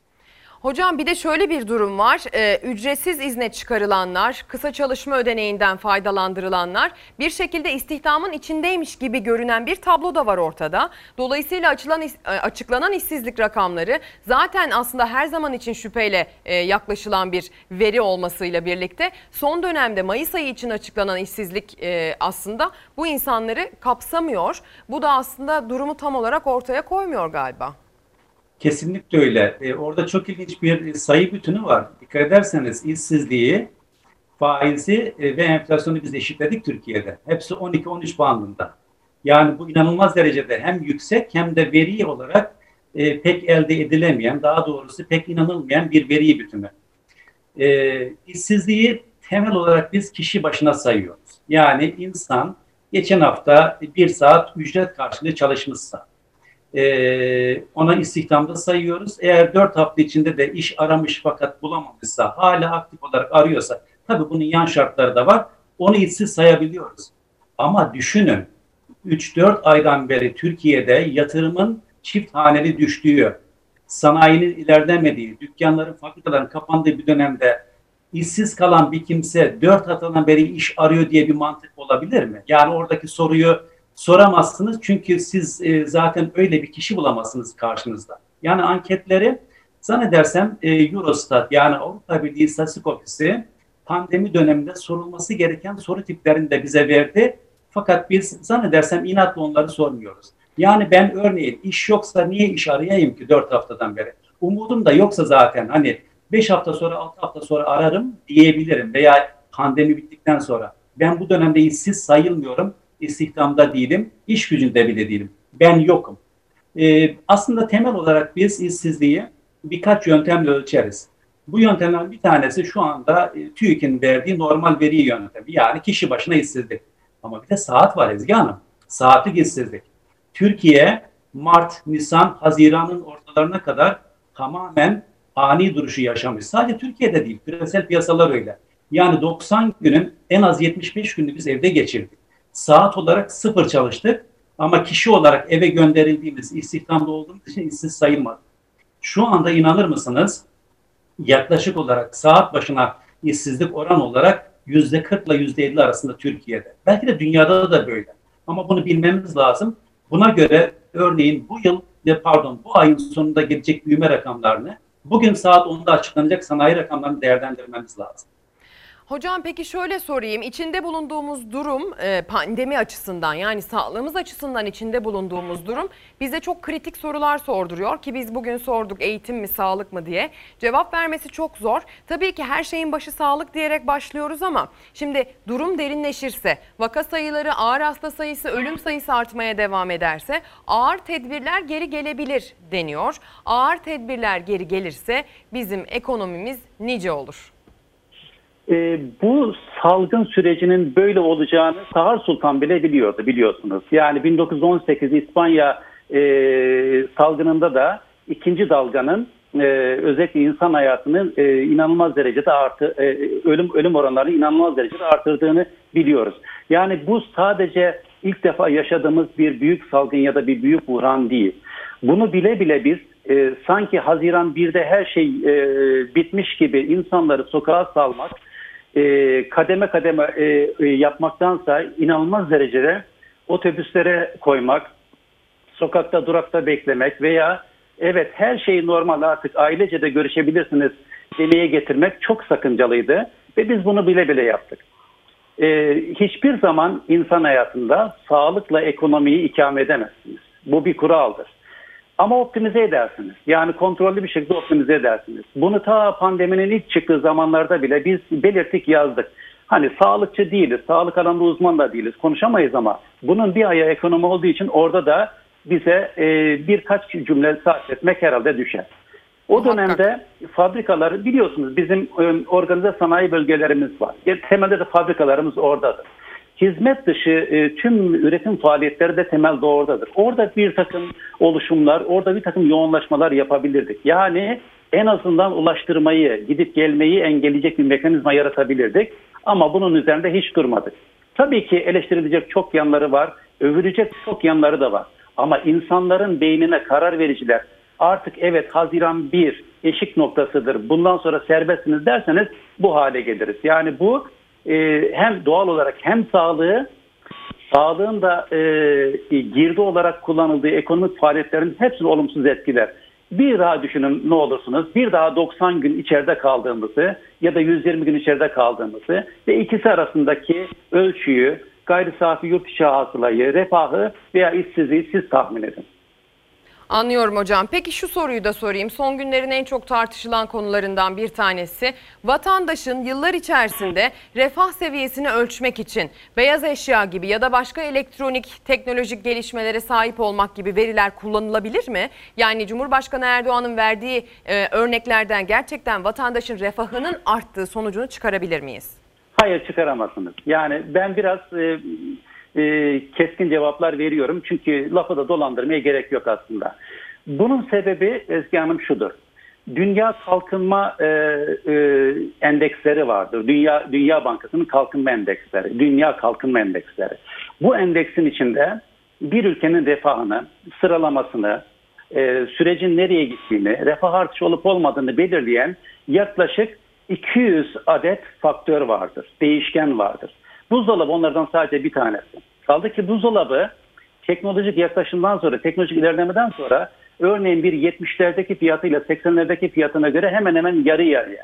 Yani alım gücü ve fiili olarak teknolojiden gelen fiyat düşümü nedeniyle. Ben size çocukluğumu söyleyeyim örneğin. Bizim köye 1974'te elektrik geldi. Kahramanmaraş'ın bir köyüdür. 75'te bütün çiftçilerin evinde buzdolabı hatta ikinci buzdolabı vardı. Biliyorsunuz sütü, kaymağı ve benzeri kapasitesi şey olduğu için herkes buzdolabı ve Vizontele'de seyrettiğiniz o dönemin televizyonları geldi. Hı hı. Şimdi o dönemin zenginliğini ben e, akıl dışı bir şekilde bu dönemin buzdolabı satışlarıyla veya televizyon satışlarıyla ama sadece bununla karşılaştırırsam mantıksız olur. Bunun yanında örneğin kişi başına kaç kilowatt elektrik harcandı, araba olup olmadığı, bir e, evde kaç tane televizyon oldu, internette ne kadar e, gigabaytlar yani kapasite harcandı veya cebinde ne kadar para oldu, temiz suya erişimin ne demek olduğu gibi yaklaşık 200 faktör vardır. Ama dikkat edin bunlar sadece kalkınma faktörleridir. Refah büyüme ile kalkınmanın eşleştiği, evlendiği bir dönemde olur. Onu konuşmamız gerekir bizim. Nasıl olsa ülke kalkınıyor. Tabii kalkındıktan sonra büyümenin kalitesi yükselir. Ama kalkınmada buzdolabına dayalı bir mekanizmayı hem de e, ortalıkta böyle söylerseniz e, ekonomiyi tekrar 101 seviyesinde başlayıp değerlendirmemiz gerekir. Anlıyorum hocam. Şimdi e, müsaade ederseniz biz bir reklam arası vermek niyetindeyiz e, hocam. Bu reklam arasını veriyoruz ki izleyiciler de bu süre zarfında size soracakları soruları bize gönderme fırsatı yakalamış olsunlar. İzleyicilerimize söyleyelim. E, Profesör Doktor Veysel Ulusoy reklamdan sonra da yayın konuğumuz olmaya devam edecek. Dolarla ilgili kendisine sorular soracağız. Dolar artışının ekonomimizi etkileyip etkilemeyeceği tartışmasına getireceği yorumu çok merak ediyoruz. E, dövizin dövizin, kurların ve altının gidişatının nasıl olmasını beklediğini de kendisine sormayı planlıyorum açıkçası. Siz de bana lütfen sorularınızı gönderin bu arada. Çayları, kahveleri tazeleyelim. Biraz cebimizi konuşmaya devam edelim. Günaydın sevgili izleyenler. Tekrar ekran başına hoş geldiniz. Günaydın dileklerimize artık ilave ediyoruz. Gününüz aydın olsun, gününüz maskeli olsun, mesafeli olsun, eller temiz olsun diyoruz. Çünkü koronavirüs tablosu durumun aslına bakarsanız e, kötüye gittiğini gösteriyor. Vaka sayıları artıyor, günlük tespit edilen hastalar, e, ölümler ağır hasta sayısı hepsinin artışta olduğu söyleniyor. İstanbul uzun süredir adı anılmıyordu. Ankara başı çekiyordu. Türkiye'nin Wuhan'ı şeklinde sıralanan iller listesinde Doğu'dan Diyarbakır, Gaziantep, Şanlıurfa dikkatimizi çekiyordu. Ancak İstanbul yine adı anılan iller arasına girdi. Kısa bir süre çıktı zaten. Alarmın rengi kırmızı. E, pandeminin alarmı kırmızıyken eğitimin alarmı da kırmızı. E, ekonominin alarmı da maalesef kırmızı. Son günlerde ekonomiyi çok tartışıyoruz. Bu tartışmalar aslında döviz kurundaki artış ve altındaki artışla da alakalıydı. E, bir açıklama beklendi. E, Hazine ve Maliye Bakanı Berat Albayrak'tan sessizliğini bozdu. CNN Türkiye konuştu ve oradaki bir çıkışı çok dikkat çekti. Yayın konuğumuza aslında ben bunu sormak istiyorum. Reklamdan önce yayın konuğumuzdu. Hala kendisi sorularımızı yanıtlamak için kıymetli katılımıyla karşımızda. Profesör Doktor Veysel Ulusoy tekrar hoş geldiniz diyelim yayınımıza. Sormak ederim. istediğim soru şu şekilde. Ee, döviz kurundaki artış sadece ihracatçıyı etkiler mi yoksa vatandaşa da yansır mı? Ezgi Hanım, ayağımızın ucundan saçımızın e, en üst teline kadar, en ucuna kadar döviz kuruyla ilgili bir hareketten etkileniyoruz. Yani e, düşünün, ülke bazında düşünelim. 430 milyar dolar borcunuz var ve bir kuruşluk e, e, dövizdeki sıçrama inanılmaz derecede milyar liralarınızı götürüyor. E, e, bir defa 430 milyar doları biz döviz olarak harcamak zorundayız ve döviz olarak kazanmak zorundayız daha öncesinde. Turizmin tamamen durduğu ya da ne bileyim yüzde yetmişini kaybettiğimiz bu dönemde e, insanların birbirine borç verirken döviz veya altınla verdiği e, yatırımlarınızın değeri yani evinizin, arabanızın e, döviz miktarıyla, döviz değeriyle değiştiği bir ortamda dövizden etkilenmiyoruz. Dövizle maaş mı alıyorsunuz, dövizle borcunuz mu var derken direkt maaş almıyoruz, direkt borcumuz yok ama e, dolaylı olarak her şeyden, e, dövizin kurundan her şeyden etkileniyoruz. Yani bu şu demektir. E, hayatımızın e, e, sabahleyin başladığımız bir noktasından gece yarısına kadar, yatağa girdiğimiz son noktasına kadar o gün dövizle oturup dövizle kalkıyoruz. Niye biliyor musunuz e, ülke olarak? Bizim ithalatımızın %90'ı sanayi ve ara malıdır toplamı. Diğer %10'u tüketim ve benzeri ürünlerdir. %90'ı sanayi ara malı olan bir ülkede döviz bağımlılığı sadece sanayide değil, sanayide çalışan, sanayide ücret alan ve onu harcayan, rafları boşaltan herkesi etkiler. Yani bunu söylemek bir talihsizlikti bence. Sayın Bakan da istememiştir ama e, bir defa ağızdan kaçtıktan sonra geri dönüşü yok tabii. Anlıyorum. Peki bu dalgalanmayı nasıl değerlendiriyorsunuz? Bir çıkıyor, bir iniyor, tansiyonu yükseliyor. Bizim de tansiyonumuz aynı şekilde yükseliyor bu dönemde. Ee, öyle bir durumdayız ki aslında bakarsanız çok ekonomist olmaya gerek yok. Vatandaş döviz kurundaki artışı birebir çok hissettiği için örneğin kendine bir elektronik cihaz satın alacak. Mesela beyaz eşya ya da bir cep telefonu, bilgisayar, televizyon. Ee, hemen döviz kurundaki artışı kolluyor. Diyor ki döviz arttı. Bir süre sonra zamlar yansıyacaktır etiketlere. Gideyim hemen alışveriş yapayım diyor ki bu araştırmalara da yansıdı. Son dönemde vatandaş özellikle elektronik alışverişini arttırdı ya da dövize bağlı olan e, üretim kalemlerini e, satın almasını arttırdı. Dolayısıyla e, döviz kurunun nasıl gideceğiyle ilgili tahmininiz de çok kıymetli hale geldi. Ne tahmin ediyorsunuz? Nasıl gider kur ve altın? Şöyle diyelim, e, şimdi biz e, halkımız e, bir kalabalıktır. E, ayrı ayrı e, karar verdiği bağlamlar kalabalıktır. Ama e, beraber olduğunda örneğin bir kahvede, bir çalışma alanında ve benzerinde o ortak akıl nasıl bir verimliliğe dönüşür bilemezsiniz. Yani artık halk döviz kurunun e, nereye gideceğini e, kendi huzursuzluğu bağlamda hissetti. Bu hissetmenin yansıması zaten bankalardaki 230 milyar dolara varan döviz mevduatında saklı. Yani artık insanlar eğer tasarruf edebiliyorlarsa, eğer bir yere e, bir kenara bir şey koyabiliyorlarsa ya altına ya dövize gidiyorlar. Ama dikkat edin bu dönemde hep dövize gittiler. Kıymetli madenler son dönemde yani pandemi sonrasında e, e, ki bir süreci yaşayan bir yatırım aracıydı. Ama döviz miktarı 250 milyar dolara yaklaştı. Bu şu demektir. Ben ekonomiyi iyi tahlil ediyorum ya da çevreme soruyorum ya da işte naçizane öğretim üyelerini, haberleri dinliyorum ve arkasından pozisyonumu alıyorum. O pozisyon bizi devletten daha zengin olan en azından kısa dönem varlığı, e, döviz mevduatı olarak kısa dönem varlığı devletten daha zengin olan bir halkı ortaya çıkardı. Yani Merkez Bankası'nın şu anda e, swap'i e, bir kenara koyduğunuzda yani para değiş tokuşunu diğer ülkelerle bir kenara koyduğunuzda borcu var. Döviz rezervleri ekside yani. Hadi brüt olarak e, 50-60 milyar dolar diyelim ama insanların elinde, halkın elinde 250 milyar dolara yakın bir mevduat, bir yabancı para var. Bu garip bir şeydir. Çoğu ülkede olmaz. Bu ancak e, ekonomik krizlerin diğer bir krizle tetiklendiği anlarda olur. Ve biz de gerçekten 2018'de başlayan ekonomik krizin buhranla katıklaşmış halini yaşıyoruz. Orada insanlar neyin ne olduğunu bildi. Fakat ilginç olan daha doğrusu 250 milyar dolar mevduata karşılık gelen gelirsizliğin yaşandığı bir ülkeyiz aynı zamanda. Yani e, %50'lere varan saat bazında işsizlik, %20-25'lere varan geniş tanımlı işsizlik ve benzeri. Ama şu bir gerçek ki dövizin oynaklığı bir sonuçtur Ezgi Hanım. Önemli olan dövizin trendidir. Dövizin sizin enflasyonunuz kadar değerlenip değerlenmediğidir. Son dönemde özellikle iki yılda inanılmaz derecede 2-3 tane e, atak daha doğrusu döviz atağı ki bunlar doğaldır. Her ülkeye yaparlar. Her ülkede olur. E, yaşadık. Bunun e, sonuç olduğunu bilmemiz lazım. Nedeni ise sizin vücudunuzdaki zayıflık, beslenememeniz, gelirsizliğiniz, işsizliğiniz, e, bütçe açığınız ve daha daha önemlisi bunu çok iyi vurgulamak istiyorum. Pandemide buhran yaşamamıza rağmen kamu tasarruflarının yine hiçbir şey olmamış gibi sıfırlarda e, dizayn edilmesi. Yani kamu ya da karar vericiler kendi tasarrufunu düşünmeden halka tasarruf e, baskısı yaparak bir süreci yönetmek istiyorlar. Bu hatalı bir şey.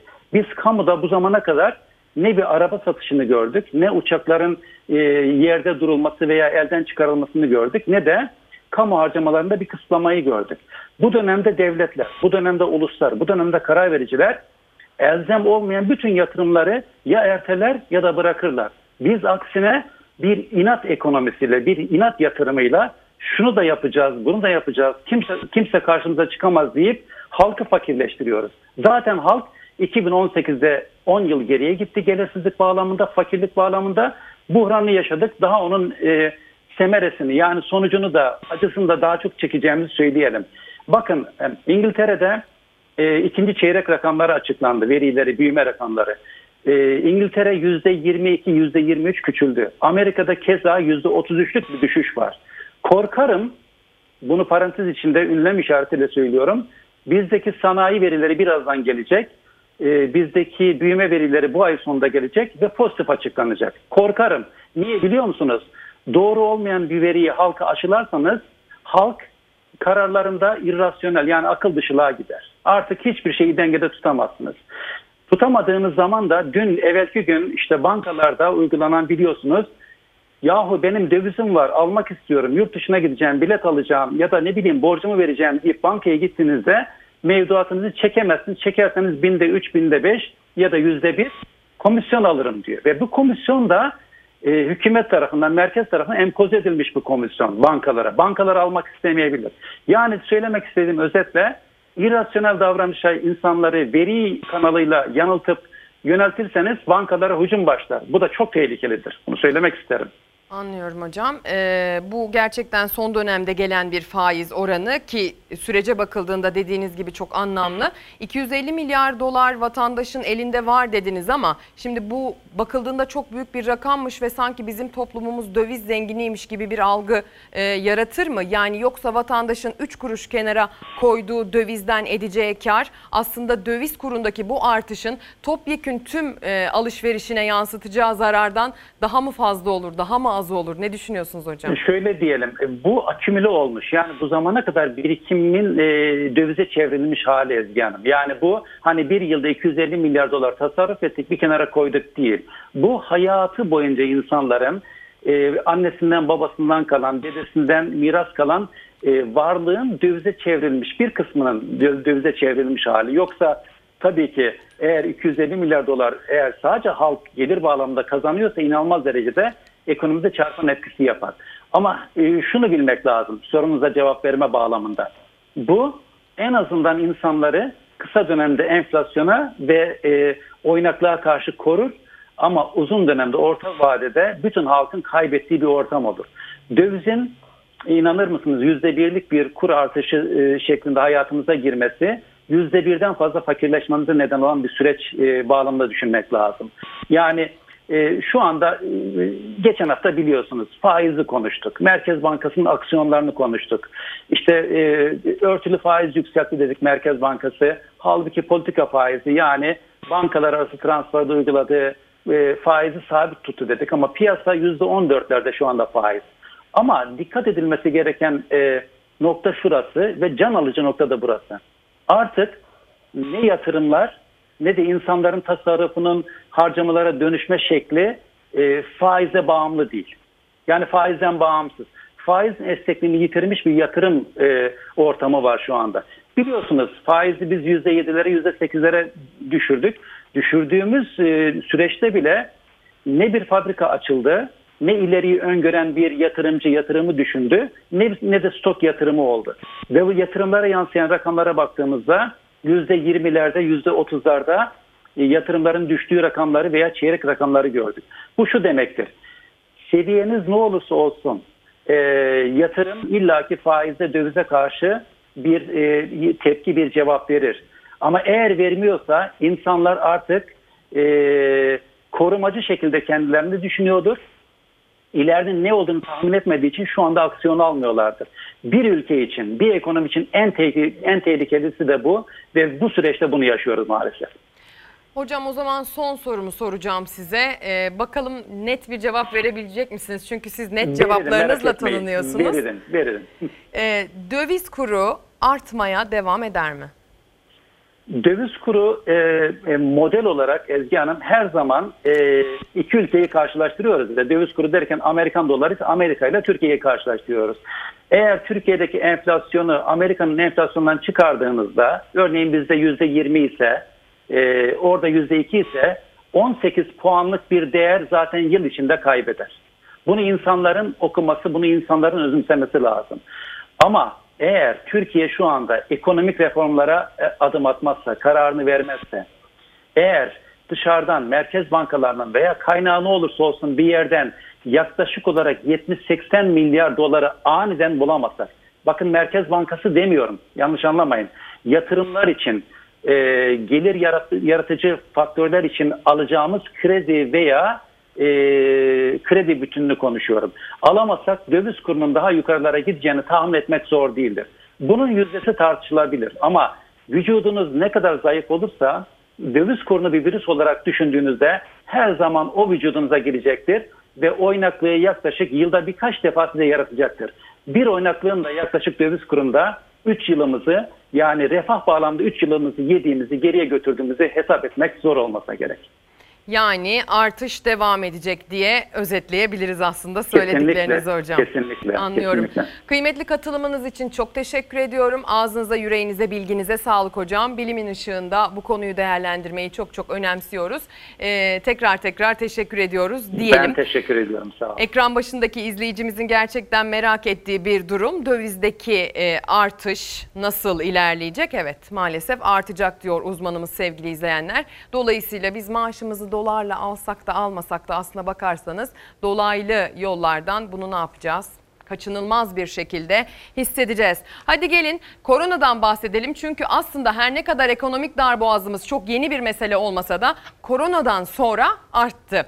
Korkusuz gazetesinin bir detayında 65 yaş üstüyle ilgili bilgi var. Vaka sayılarındaki artışın faturası yaşlı çınarlara diyor gazete. 65 yaş üstü yasakların kalkmasını beklerken bir yasak daha geldi. Gaziantep'te 65 yaş ve üstünün düğünlere gitmesi yasaklandı. Toplu taşımaya binme ve alışveriş saatlerine de kısıtlama geldi. Korona vakalarının arttığı Gaziantep'te olan 65 yaş ve üstündekilere oldu. Bu yaş grubundakilerin düğünlere gitmesi yasak. Toplu taşımayı kullanma ve sebze meyve pazarlarına girişleri kısıtlı. Bu kısıtlama sadece Gaziantep'te de sınırlı kalmadı. Ee, bölgesel önlemler alınmaya devam ediyor. Hadi gelin yurttan korona manzaralarına bakalım.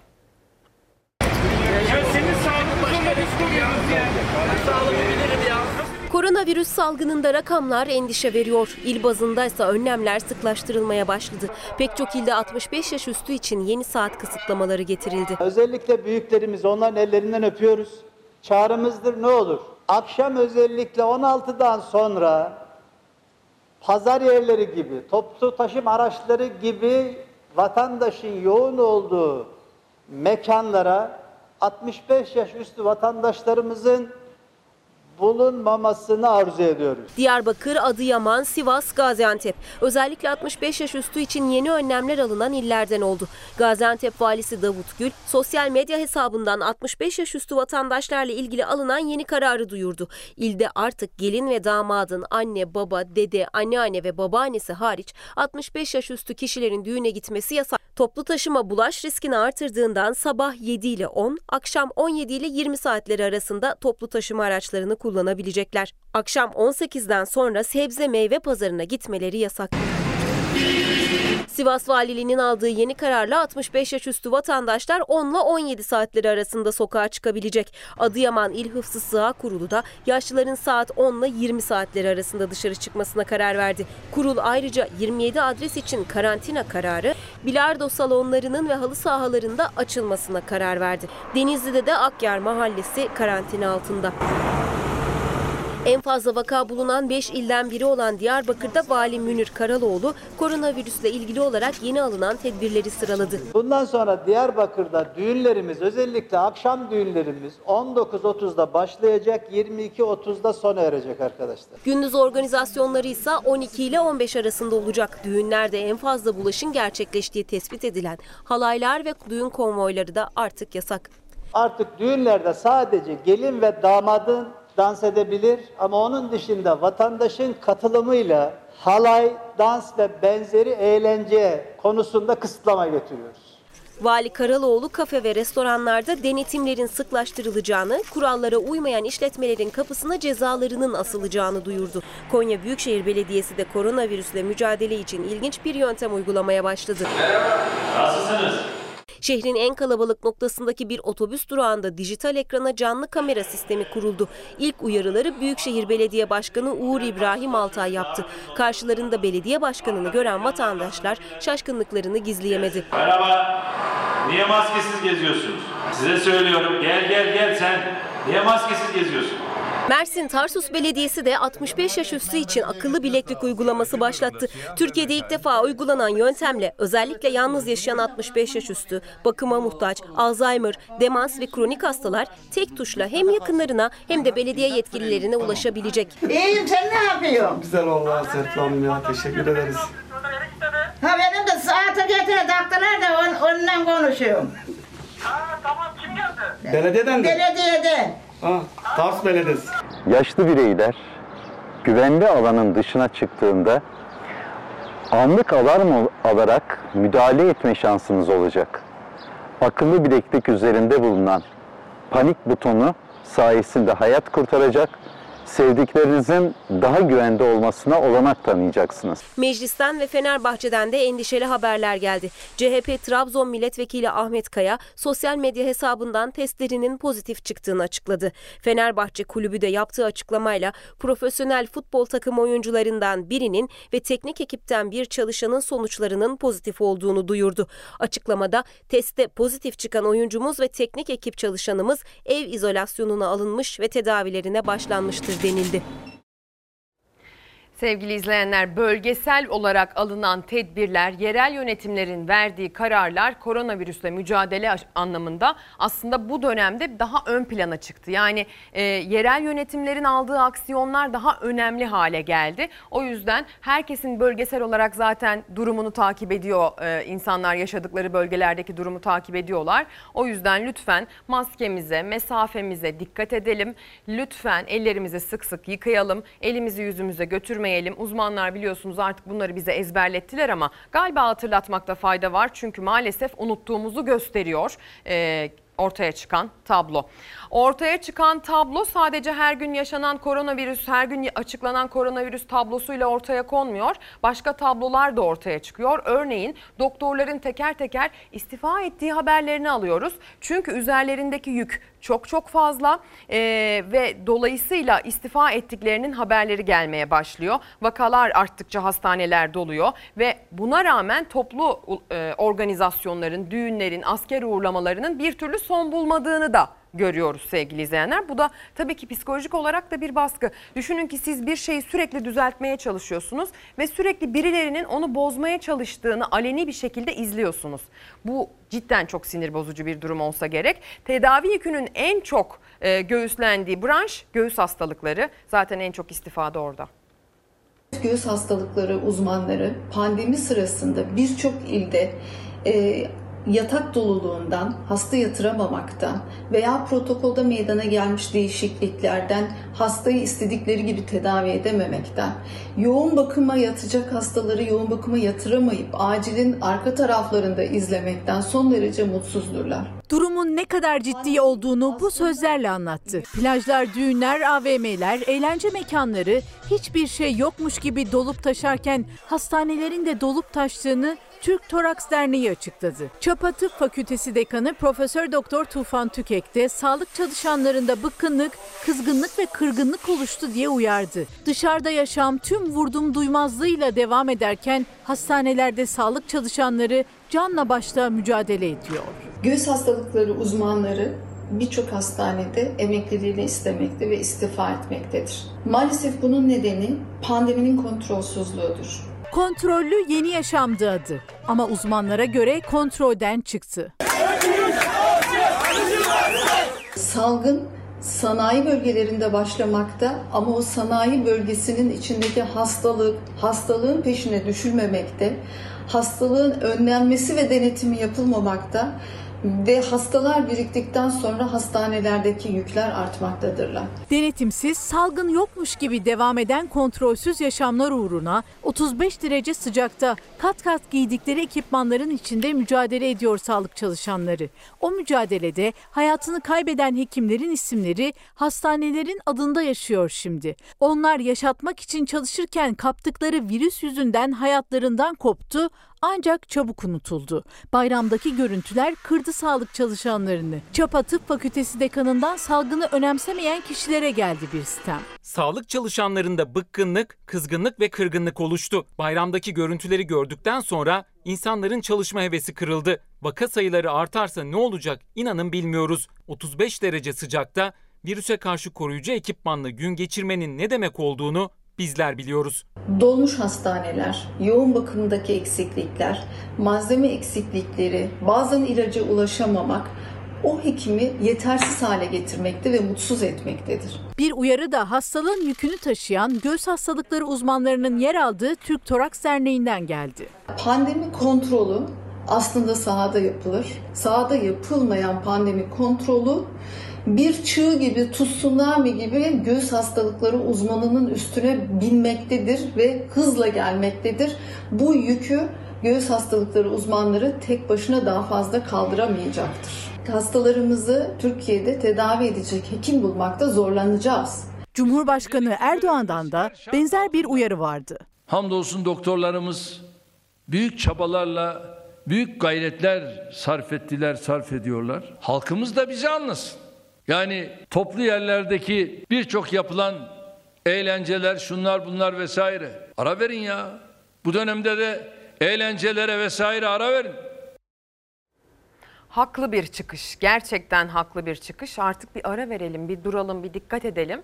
Ee, sürecin başındaki belki de titizliğe devam etmemiz lazım. Ama titiz olmak için de böyle çok korkuyu e, tetiklememek gerekiyor. Artık bir bilinç, bir kültür oturması gerekiyor belki de bu konuda. Yani vatandaşı korkutarak bak ölürsün ona göre diyerek değil de evet artık böyle bir durumumuz var. Çaresi bulunana kadar buna dikkat etmemiz gerekiyor. İsterseniz ahlaki açıdan, isterseniz hukuki açıdan, isterseniz etik açıdan bakın o maskeyi takmak durumundayız sadece kendimiz için değil. Topluma olan borcumuz açısından da o maskeyi takmak, o kurallara dikkat etmek önemli. Öğrencilerin okula gitmesini dahi etkileyen bir durumdan bahsediyoruz. Çocuklarımızın eğitimi geleceği.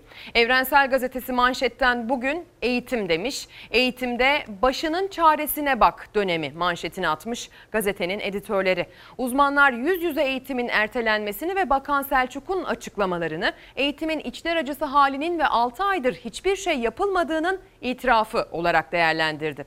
Profesör Doktor Adnan Gümüş, MEB'in uzaktan eğitimle halka adeta okullarımız yetersiz ve eksik, bunu toparlayacak bütçede politikada üretemiyoruz, başınızın çaresine bakın dediğini belirtti. Pandeminin eğitime ara verin demediğini, eğitimdeki eksikleri gösterdiğini söyleyen Gümüş, 6 aydır okulların kapalı olduğunu hatırlattı. MEP bu süreçte hangi hazırlığı yaptı diye sordu. Okul dışı arayışlara girmemek gerektiğini vurgulayan Gümüş, odaklanılması gereken nokta yüz yüze eğitim için neler yapılmalı sorusu olmalıdır dedi. İktidar eğitime kaynak ayırmakta ayırmamakta ısrar ediyor başlığının altındaysa şöyle bir detay var. Eğitimsel Genel Başkanı Feray Aytekin Aydoğan yüz yüze eğitimin 21 Eylül'e ertelenmesini okullarda gerekli önlemlerin alınmadığının işareti olarak değerlendirdi. Aydoğan iktidarın okullarda gerekli önlemlerin alınabilmesi için ek bütçe ayırmakta ve ek personel atamamakta, e, ek bütçe ayırmamakta ve ek personel atamamakta ısrar ettiğini söyledi diyor. Okullar açılıyor, tarih belli oldu. Ee, sadece ilk ve orta öğretim için değil, üniversiteliler için de tarih belli oldu. 31 Ağustos 2020 tarihinde okulları uzaktan eğitimle açıyoruz. Yüz yüze eğitim ertelendi ancak eğitimin başlangıç tarihi değişmedi. 2020-2021 eğitim öğretim yılı 31 Ağustos'ta uzaktan eğitimle başlayacak. Milli Eğitim Bakanlığı 21 Eylül'de de yüz yüze eğitime geçilmesini planlıyor. Dileyen özel okullar tabii ki 17 Ağustos pazartesi günden itibaren uzaktan eğitim araçlarıyla eğitim faaliyetlerine başlayabilecek. Bakanlık okullarda yüz yüze eğitimin başlangıç tarihini özel okullarda 17 Ağustos, devlet okullarında ise 31 Ağustos olarak belirlemişti. Ancak günlük vaka sayılarının artması tedirginlik yarattı. Okulların açılıp açılmayacağı, açılırsa hangi tedbirler alınacağı merak konusuydu. Milli Eğitim Bakanı Ziya Selçuk bilim kurulu toplantısı sonrası kararı açıkladı ve uzun zamandır tartışılan soru cevabını buldu. Devlet okullarında 31 Ağustos itibarıyla başlayacak uzaktan eğitim geçtiğimiz dönemde olduğu gibi EBA üzerinden ve canlı derslerle yapılacak. Yüz yüze eğitimin başlayacağı gün için bakanlık hazırlıklarını sürdürüyor. Okullar aracılığıyla virüsün yayılmasını engellemek için HES kodu devreye sokuldu. Öğretmen, öğrenci, okul personeli ve servis şoförüne kadar okulla bağlantısı olan herkesin HES koduyla sağlık durumu takip altında tutulacak. Böylece ailesinde ya da yakın çevresinde pozitif vaka olan kişiler tespit edilecek. Yüz yüze eğitimin başlayacağı tarih ise 21 Eylül. Bilim Kurulu'nun tavsiye ettiği sınıflarda aşamalı olarak çalacak ilk ders zili. Okulun ilk haftasında bir hafta sürecek uyum programı uygulanacak. Dersler ve konular seyreltilecek. Belli sınıf düzeylerinin öncelikli olarak açılmasından belirli e, konuların belirli noktalarının özellikle ve öncelikle işlenmesini kastediyoruz. Seyreltilme sonucunda oluşabilecek açık uzaktan eğitimle canlı dersler vasıtasıyla ve EBA televizyonları vasıtasıyla giderilecek. Milli Eğitim Bakanı Ziya Selçuk daha fazla detay vermedi ama kulislere göre önce anaokulları birinci ve ikinci sınıflar yüz yüze eğitime başlayacak. Yine bilim insanlarının tavsiyeleri doğrultusunda belirleyeceğiz. Merak edilen bir başka konu da bu yıl sınava girecek olan 8. ve 12. sınıflar için yapılacak düzenleme. Müfredat içeriği ve onlara yönelik olarak yapılacak destek çalışmaları konusunda planlamalar yapılıyor. Okullarda maske, dezenfektan gibi hijyen malzemeleri bakanlık temin edecek. Temizlik ve güvenlik personeli sayısı da arttırılıyor. Bir yandan da il il, ilçe ilçe okulların eksikleri belirleniyor. 2000 denetmenimiz şu anda sahada ve okullardalar ve her bir okulumuzun standartını gözden geçiriyorlar. Yükseköğretim Kurumu da üniversitelerin eğitim öğretim takvimlerini 1 Ekim itibariyle başlayacak şekilde planlamasını istedi. Her bir üniversitenin bulunduğu bölgedeki vaka durumuna göre farklı programlar uygulanacağını duyurdu. ÖSYM ise sınav başvurularında adaylardan HES kodu bilgisi isteyecek. Alınan kararlar bize şu soruyu sordurttu. Eğitim mi, sağlık mı? İşin içinden çıkmak çok zor. Verdiğiniz cevaplarda sizin de işin içinden çıkamadığınızı görüyorum. Tabii ki sağlık olmadan hiçbir şey olmaz ama eğitim olmadan da gelecek olmaz sevgili izleyenler. Bir de pandemi sürecinin sordurttuğu bir soru daha var. Eğitim mi, ekonomi mi? Vatandaş ekonomisini düşünüyor. Tablodaki sayılar arttıkça ekonomik sıkıntıları tetikleyecek tedbirler tekrar alınır mı sorusu gündeme geliyor. Ancak hali hazırda alınmış tedbirler var hala kaldırılmayan. Örneğin kahvehanelerde oyun hala yasak. Kahvehaneciler sıkıntılı. Kahve ve çay ocağı işletmecileri dertli. Tedbirler kapsamında oyunların yasaklanması işlerini durma noktasına getirdi. Onların talebi bu zor günleri atlatmak için devletten destek. İş yerini açan esnafımız haliyle su, elektrik kullanmaya başlıyor. Yanında çalışanın haftalığını, maaşını ödüyor. Ama oyun oynanmadığı için gelir elde edemiyor. İstiyorum ve diliyorum ki esnaf destek görsün. Esnafın hakkı hukuku korunsun. Kefaret borçlarından tutun kredi borçlarına, dükkan kiralarına kadar ertelensin. Onlara destek verirsin. Kahvehanelerin ve çay ocaklarının eski kalabalık günleri geride kaldı. Mesafe virüsle mücadelede en etkili silahlardan biri olduğu için kahvehaneler ilk kapatılan yerlerden biri oldu. Normalleşme adımları çerçevesinde açıldı fakat bu kez de oyunlar yasaklandı. Virüs korkusuyla zaten bu alışkanlıktan vazgeçen vatandaş iyiden iyiye elini ayağını çekti. Kahvehanelerimiz yaklaşık 500 yıllık bir kültürden gelmektedir. Normalleşme adımları kapsamında açılan kahvehanelerimizde oyun oynatılmaması nedeniyle müşterilerimiz iş yerlerimize gelmemekte. Bu nedenle açılan kahvehanelerimizde esnafımız günlük masraflarını dahi karşılayamaktadır. Bir kısmı kepenk kapattı. Kapatmayanlar da zorda. Üç ilde kahveciler esnaf odaları eş zamanlı bir basın açıklaması yaptı. Şu zor günler için destek istediler. Esnafımıza geçici bir süre bile olsa bu kapalı kaldığımız dönemdeki kira yardımı talep ediyoruz. Yanımızda çalışanları da zaten biz yövmiyelerini çıkaramayacak haldeyiz. Birikmiş olan elektrik, su, doğalgaz faturalarının yıl sonuna kadar ertelenmesini talep ediyoruz. İzmir, Afyonkarahisar ve Karabük'te kamera karşısına geçti esnaf odası başkanları. Tedbirlere riayet edilerek oyun oynanabilir dediler. Kimse yanlış anlamasın. Alınan tedbirler son derece yerinde buluyoruz ve destekliyoruz. Maske ve mesafe kurallarına riayet edilmesi şartıyla kahvehanelerde oyun oynatılması serbest bırakılmalıdır arkadaşlar. Her oyunda yeni kağıt açılmalı, ıstakalar dezenfekte edilmeli, masa örtüleri her oyunda değişmeli, bulaşa meydan vermemek şeklinde her tedbirin alınacağı herkesçe bilinmeli diğer esnaflar gibi. İzmir'deki eyleme CHP İzmir Milletvekili Atilla Sertel de destek verdi. Onların kiraları devam ediyor. Onların çalışanları işten çıkarıldı bir kısmı, işsiz, evde aş bekliyor. Onların vergileri devam ediyor. Onların hayat mücadelesi devam ediyor. Evlerinde ekmek bekleyenler ne olacak diye her biri gözünü, kulağını Ankara'ya çevirmiş, çıkacak kararı bekliyor. Eğitim mi sağlık mı dedik, eğitim mi ekonomi mi diye sorduran haberler veriyoruz ama tabii ki pardon sağlık mı ekonomi mi diye sorduran haberler veriyoruz ama tabii ki önce sağlık sevgili izleyenler. Önce sağlık diyoruz ama böyle bir dönemde evinden olmak da dolaylı olarak insanın sağlığını etkilemez mi? Üsküdar'a gideceğiz. Bir yıkım haberi var. Enteresan bir yıkım haberi. Herkesin kafasına cam ve taşlar düşüyor.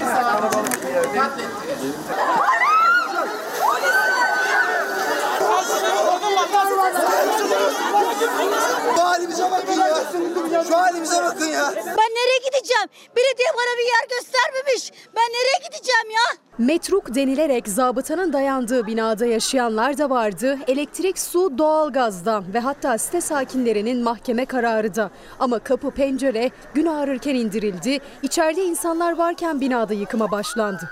Kentsel dönüşüm çıkmazında bir kez daha isyan sesleri yükseldi. Gözyaşı döküldü. Yazıklar olsun. Hiç mi vicdanları sızlamadı? Sen olsan bırakır mısın evini terk eder misin? 7 sene bekliyoruz. Yapsın bir şeyler sundun önümüze. Proje, plan, her hiçbir şey yok. İstanbul Üsküdar Acıbadem'de 11 bloktan oluşan kooperatif sitesi bizzat başvurmuştu dönüşüm için. Özel bir firma girdi devreye ilçe belediyenin de desteğiyle. Ancak 6 yılda hiçbir yol kat edilemedi. Belediye ise son olarak içinde hala yaşam olan siteye metruk diyerek yıkım kararı çıkardı.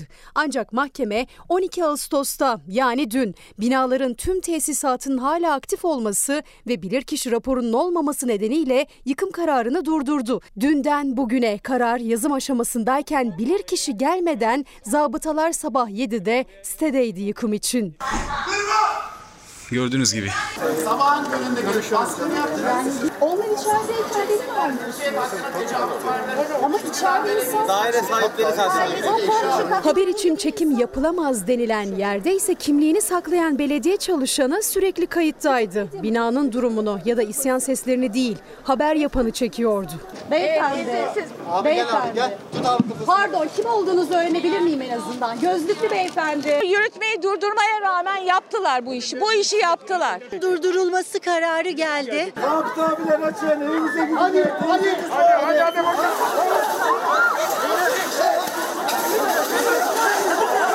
Avukatlarından gelen kararın ardından evlerine girmek istediler ancak önce ilçe belediyesinin zabıta ekipleri engel oldu. Polis sakinleştirmeye çalışıyor. Polis Zabıta insanları dövüyor. Zabıta buraya resmi bir şey ver dedim vermedi. Kaçıyor şimdi bak. Kaçıyor. İnsanları dövdü burada. Yaşanan gerginlik, korkunun ardından yıkım ekipleri ellerinde iş aletleriyle ayrılıyorlar binadan ama geriye işte böyle bir manzara kaldı. Biz metruk yapı olmadığımıza dair Üsküdar Belediye Başkanlığı'na dava açmıştık. Ama çevik kuvvetle polisler, zabıtalar zor kullanarak bu binayı metruk hale getirirler. Nasıl olduk? Cebren, hileyle. E, avukatın almış olduğu kararı bile beklemeden gelip girdiler. Direkt yıkıma başladılar. Müteahhit tarafından mağdur edilmiş durumdalar.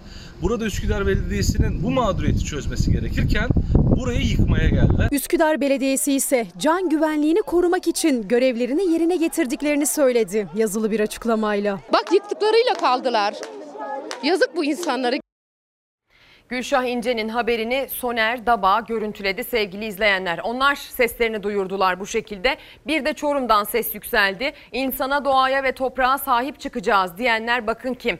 Çorum'da iki köyde maden rezerv araştırması yapılması köylerin halklarını huzursuz etti. Maden bulunursa tesis kurulacağını ve tarımsal üretimin doğal kaynakların yok olacağını söyleyen köylüler burada bir ton altın bile çıksa bir insanımıza zarar gelmesine müsaade etmeyiz dediler sevgili izleyenler. Ve CHP il başkanlığı da konuyu takip edeceğini duyurdu. Gazetelere bakalım. Gazeteler üzerinden e, kadın meselesine de gideceğiz aslında bakarsanız. Bir gün gazetesinin ilk sayfasında şöyle güzel bir detay var. Kadınlar vardır. Kadınlar cinsiyetçiliğin kuşattığı futbolda var olma mücadelesini sürdürüyor. Bir güne konuşan Ataşehir Belediye Spor kadın futbol takımı kız çocuklarını çekirdekten destekleyen Fenerbahçe Spor Okulları ve Kadıköy Belediyesi çalışanları tarafından oluşturulan henüz amatör fakat çok hırslı bir takım olan Cadıköy sporcularının fikri ortak. Sporun her branşındayız. Artık bu gerçeğe alışın diyor. Bir diğer gazetemizden başka bir detayla devam edelim. Karar gazetesi ilk sayfasından vermiş İstanbul Sözleşmesi çıkışı diyor. Toplum dokumuza uygun bir metin yapabiliriz. Sözler Cumhurbaşkanı Erdoğan'a ait. İstanbul Sözleşmesi ailenin temeline dinamit koyan hiçbir düzenleme insani değildir. İnsan onurunu yücelten, aileyi merkeze alan toplum dokumuza uygun metinler çıkarabiliriz. Tercüme metinler yerine artık kendi çerçevemizi kendimiz belirlemeliyiz. Kopenhag yerine Ankara kriterleri der, yolumuza devam ederiz şeklindeki Cumhurbaşkanı Erdoğan'ın konuyla ilgili çıkışı ele alınmış. Bundan bahsetmişken İstanbul Sözleşmesi demişken bir kadın eylemi ve maalesef şiddete karşı çıkanların maruz kaldığı şiddet. Bu harekete kadınları vurmayacaksınız. Bu harekete öldürülen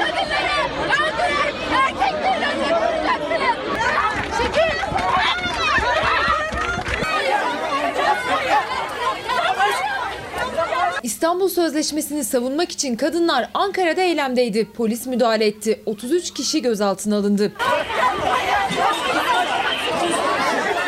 AK Partili Numan Kurtulmuş'un imzamızı geri çekebiliriz dediği İstanbul Sözleşmesi ile ilgili tartışma siyaseten rafa kalkmış gibi görünse de kadınlar sözleşme yaşatır diyerek seslerini duyurmayı sürdürüyor. Son eylem Ankara'daydı. Bu memlekette kadınlar olarak. Niyetiniz belli oldu arkadaşlar. Polis kadınların yürümesine izin vermedi. Basın açıklaması için gösterdiği adresi de kadınlar kabul etmedi. Nefes alamama sebebimiz bugün katilleri engellemeyip de önümüze barikat kuran polislerdir. Ağustos ayında İstanbul Sözleşmesi'ni hala diye Erdoğan'dan korkmuyoruz. Korkmuyoruz. İtaat etmiyoruz. Dikkat dikkat polis konuşuyor. Dağılma yönünüz Kızılay'dır. Gel buraya ya. Dağılınız. Aksi takdirde zor kullanılarak dağıtılacaksınız. Aynı zamanda direnen şahıslar hakkında da yasal işlem uygulanacaktır. Bu uyarıdan hemen sonra da polisler müdahale etti.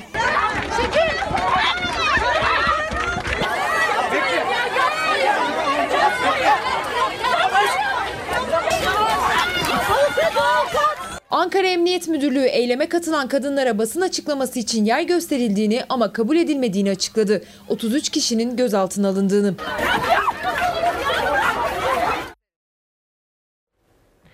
Müzede sahne 2020'de adı sanı ismi cismi başlığı ve topyekün kadın temasıyla seyirci karşısına çıkıyor.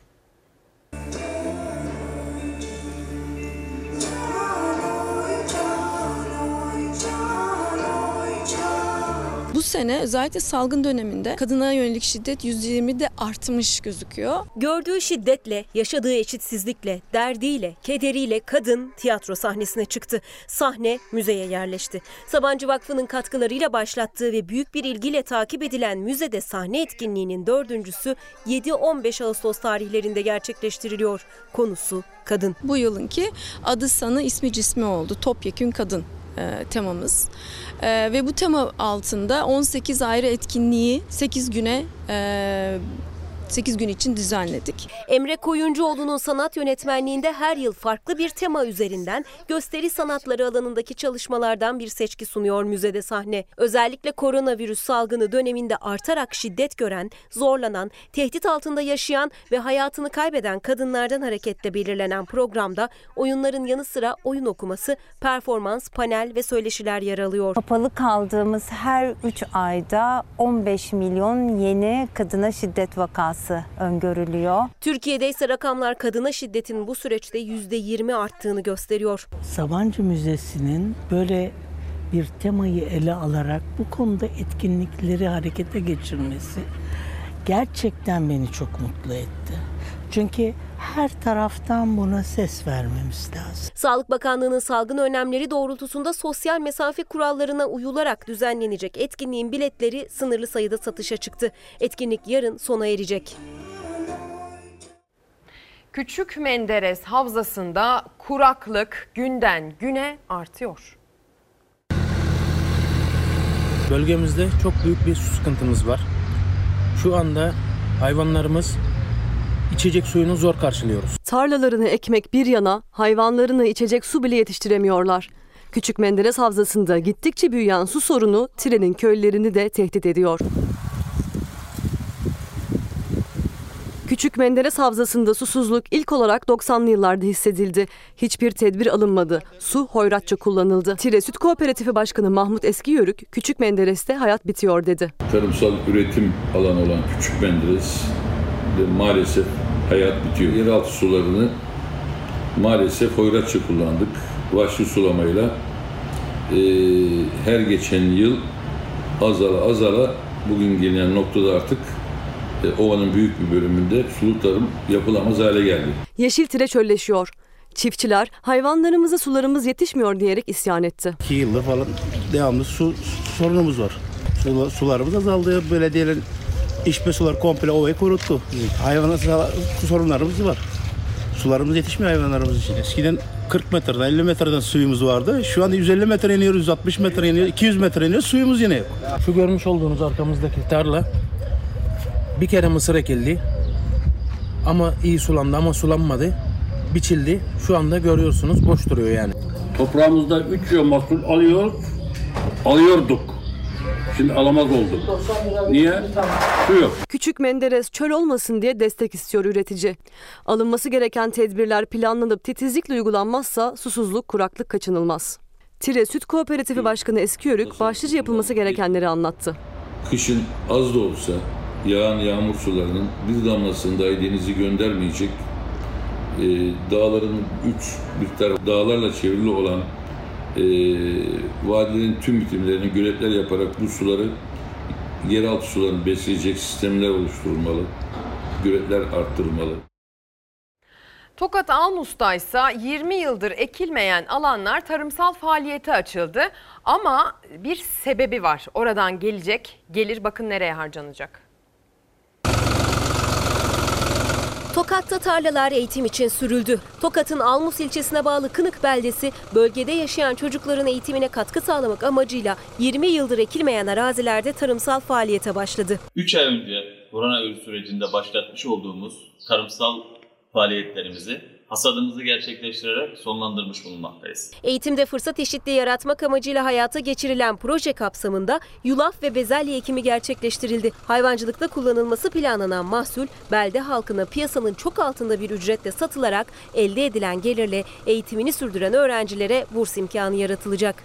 80 dönümlük bir arazi ekimi yaptık ve bu ekimden de e, yaklaşık 690 adet balya elde ettik. E, bu hayvan yemi olarak kullanılacak balyalarımız vatandaşımızın hizmetine sunuldu ve yoğun bir ilgi gördü. E, bu vesileyle e, tabii ki buradan elde ettiğimiz geliri de e, öğrencilerimize burs olarak tekrardan geri dönüşünü sağlayacağız. Sevgili izleyenler e, sabahın erken saatlerinden beri pek çok konuya yer verdik. Tarım da onlardan biriydi. Önemli bir konu başlığıydı. Bugün itibariyle neler belli oldu? Bugün 16 tane rektör atandı. Bugün üniversite öğrencilerinin ne zaman ders çalışmaya başlayacağı belli oldu. Zaten ilk ve orta öğretimler de belli olmuştu. Aslında önümüzdeki süreç biraz olsun netleşti diyebiliriz. Biz de gündemi netleştirmeye gayret ettik ama reklama ihtiyacımız var. Günaydın sevgili izleyenler. Biz sabah saat 8'den bu yana eğitim mi sağlık mı diye sorduk. Her şeyin başı sağlık desek de işin içinden çıkamadık. Peki ya ekonomi diye sorduğumuzdaysa daha büyük bir belirsizliğin içine gömüldük. Dolayısıyla bir uzmana başvurmak durumunda kaldık. Uzmanımız ekonomiyle ilgili sorularımızı yanıtladı. Türkiye'den ve dünyadan derlediğimiz gündem maddelerini sizlere aktardık. Ekip arkadaşlarımın Fox Haber'in kıymetli emektarlarının isimleri yanda geçiyor. Doğan Şentürk yönetimindeki Fox Haber'in hazırlıklarıyla karşınızdaydık. Akşam saat 19'da Gülbin Tosun'un sunumuyla e, yine bir takım hazırlıklar. Gündemin ana maddeleri, önemli maddeleri öne çıkacak bu ekranda sevgili izleyenler. E, tekrar görüşünceye dek hoşçakalın diyelim.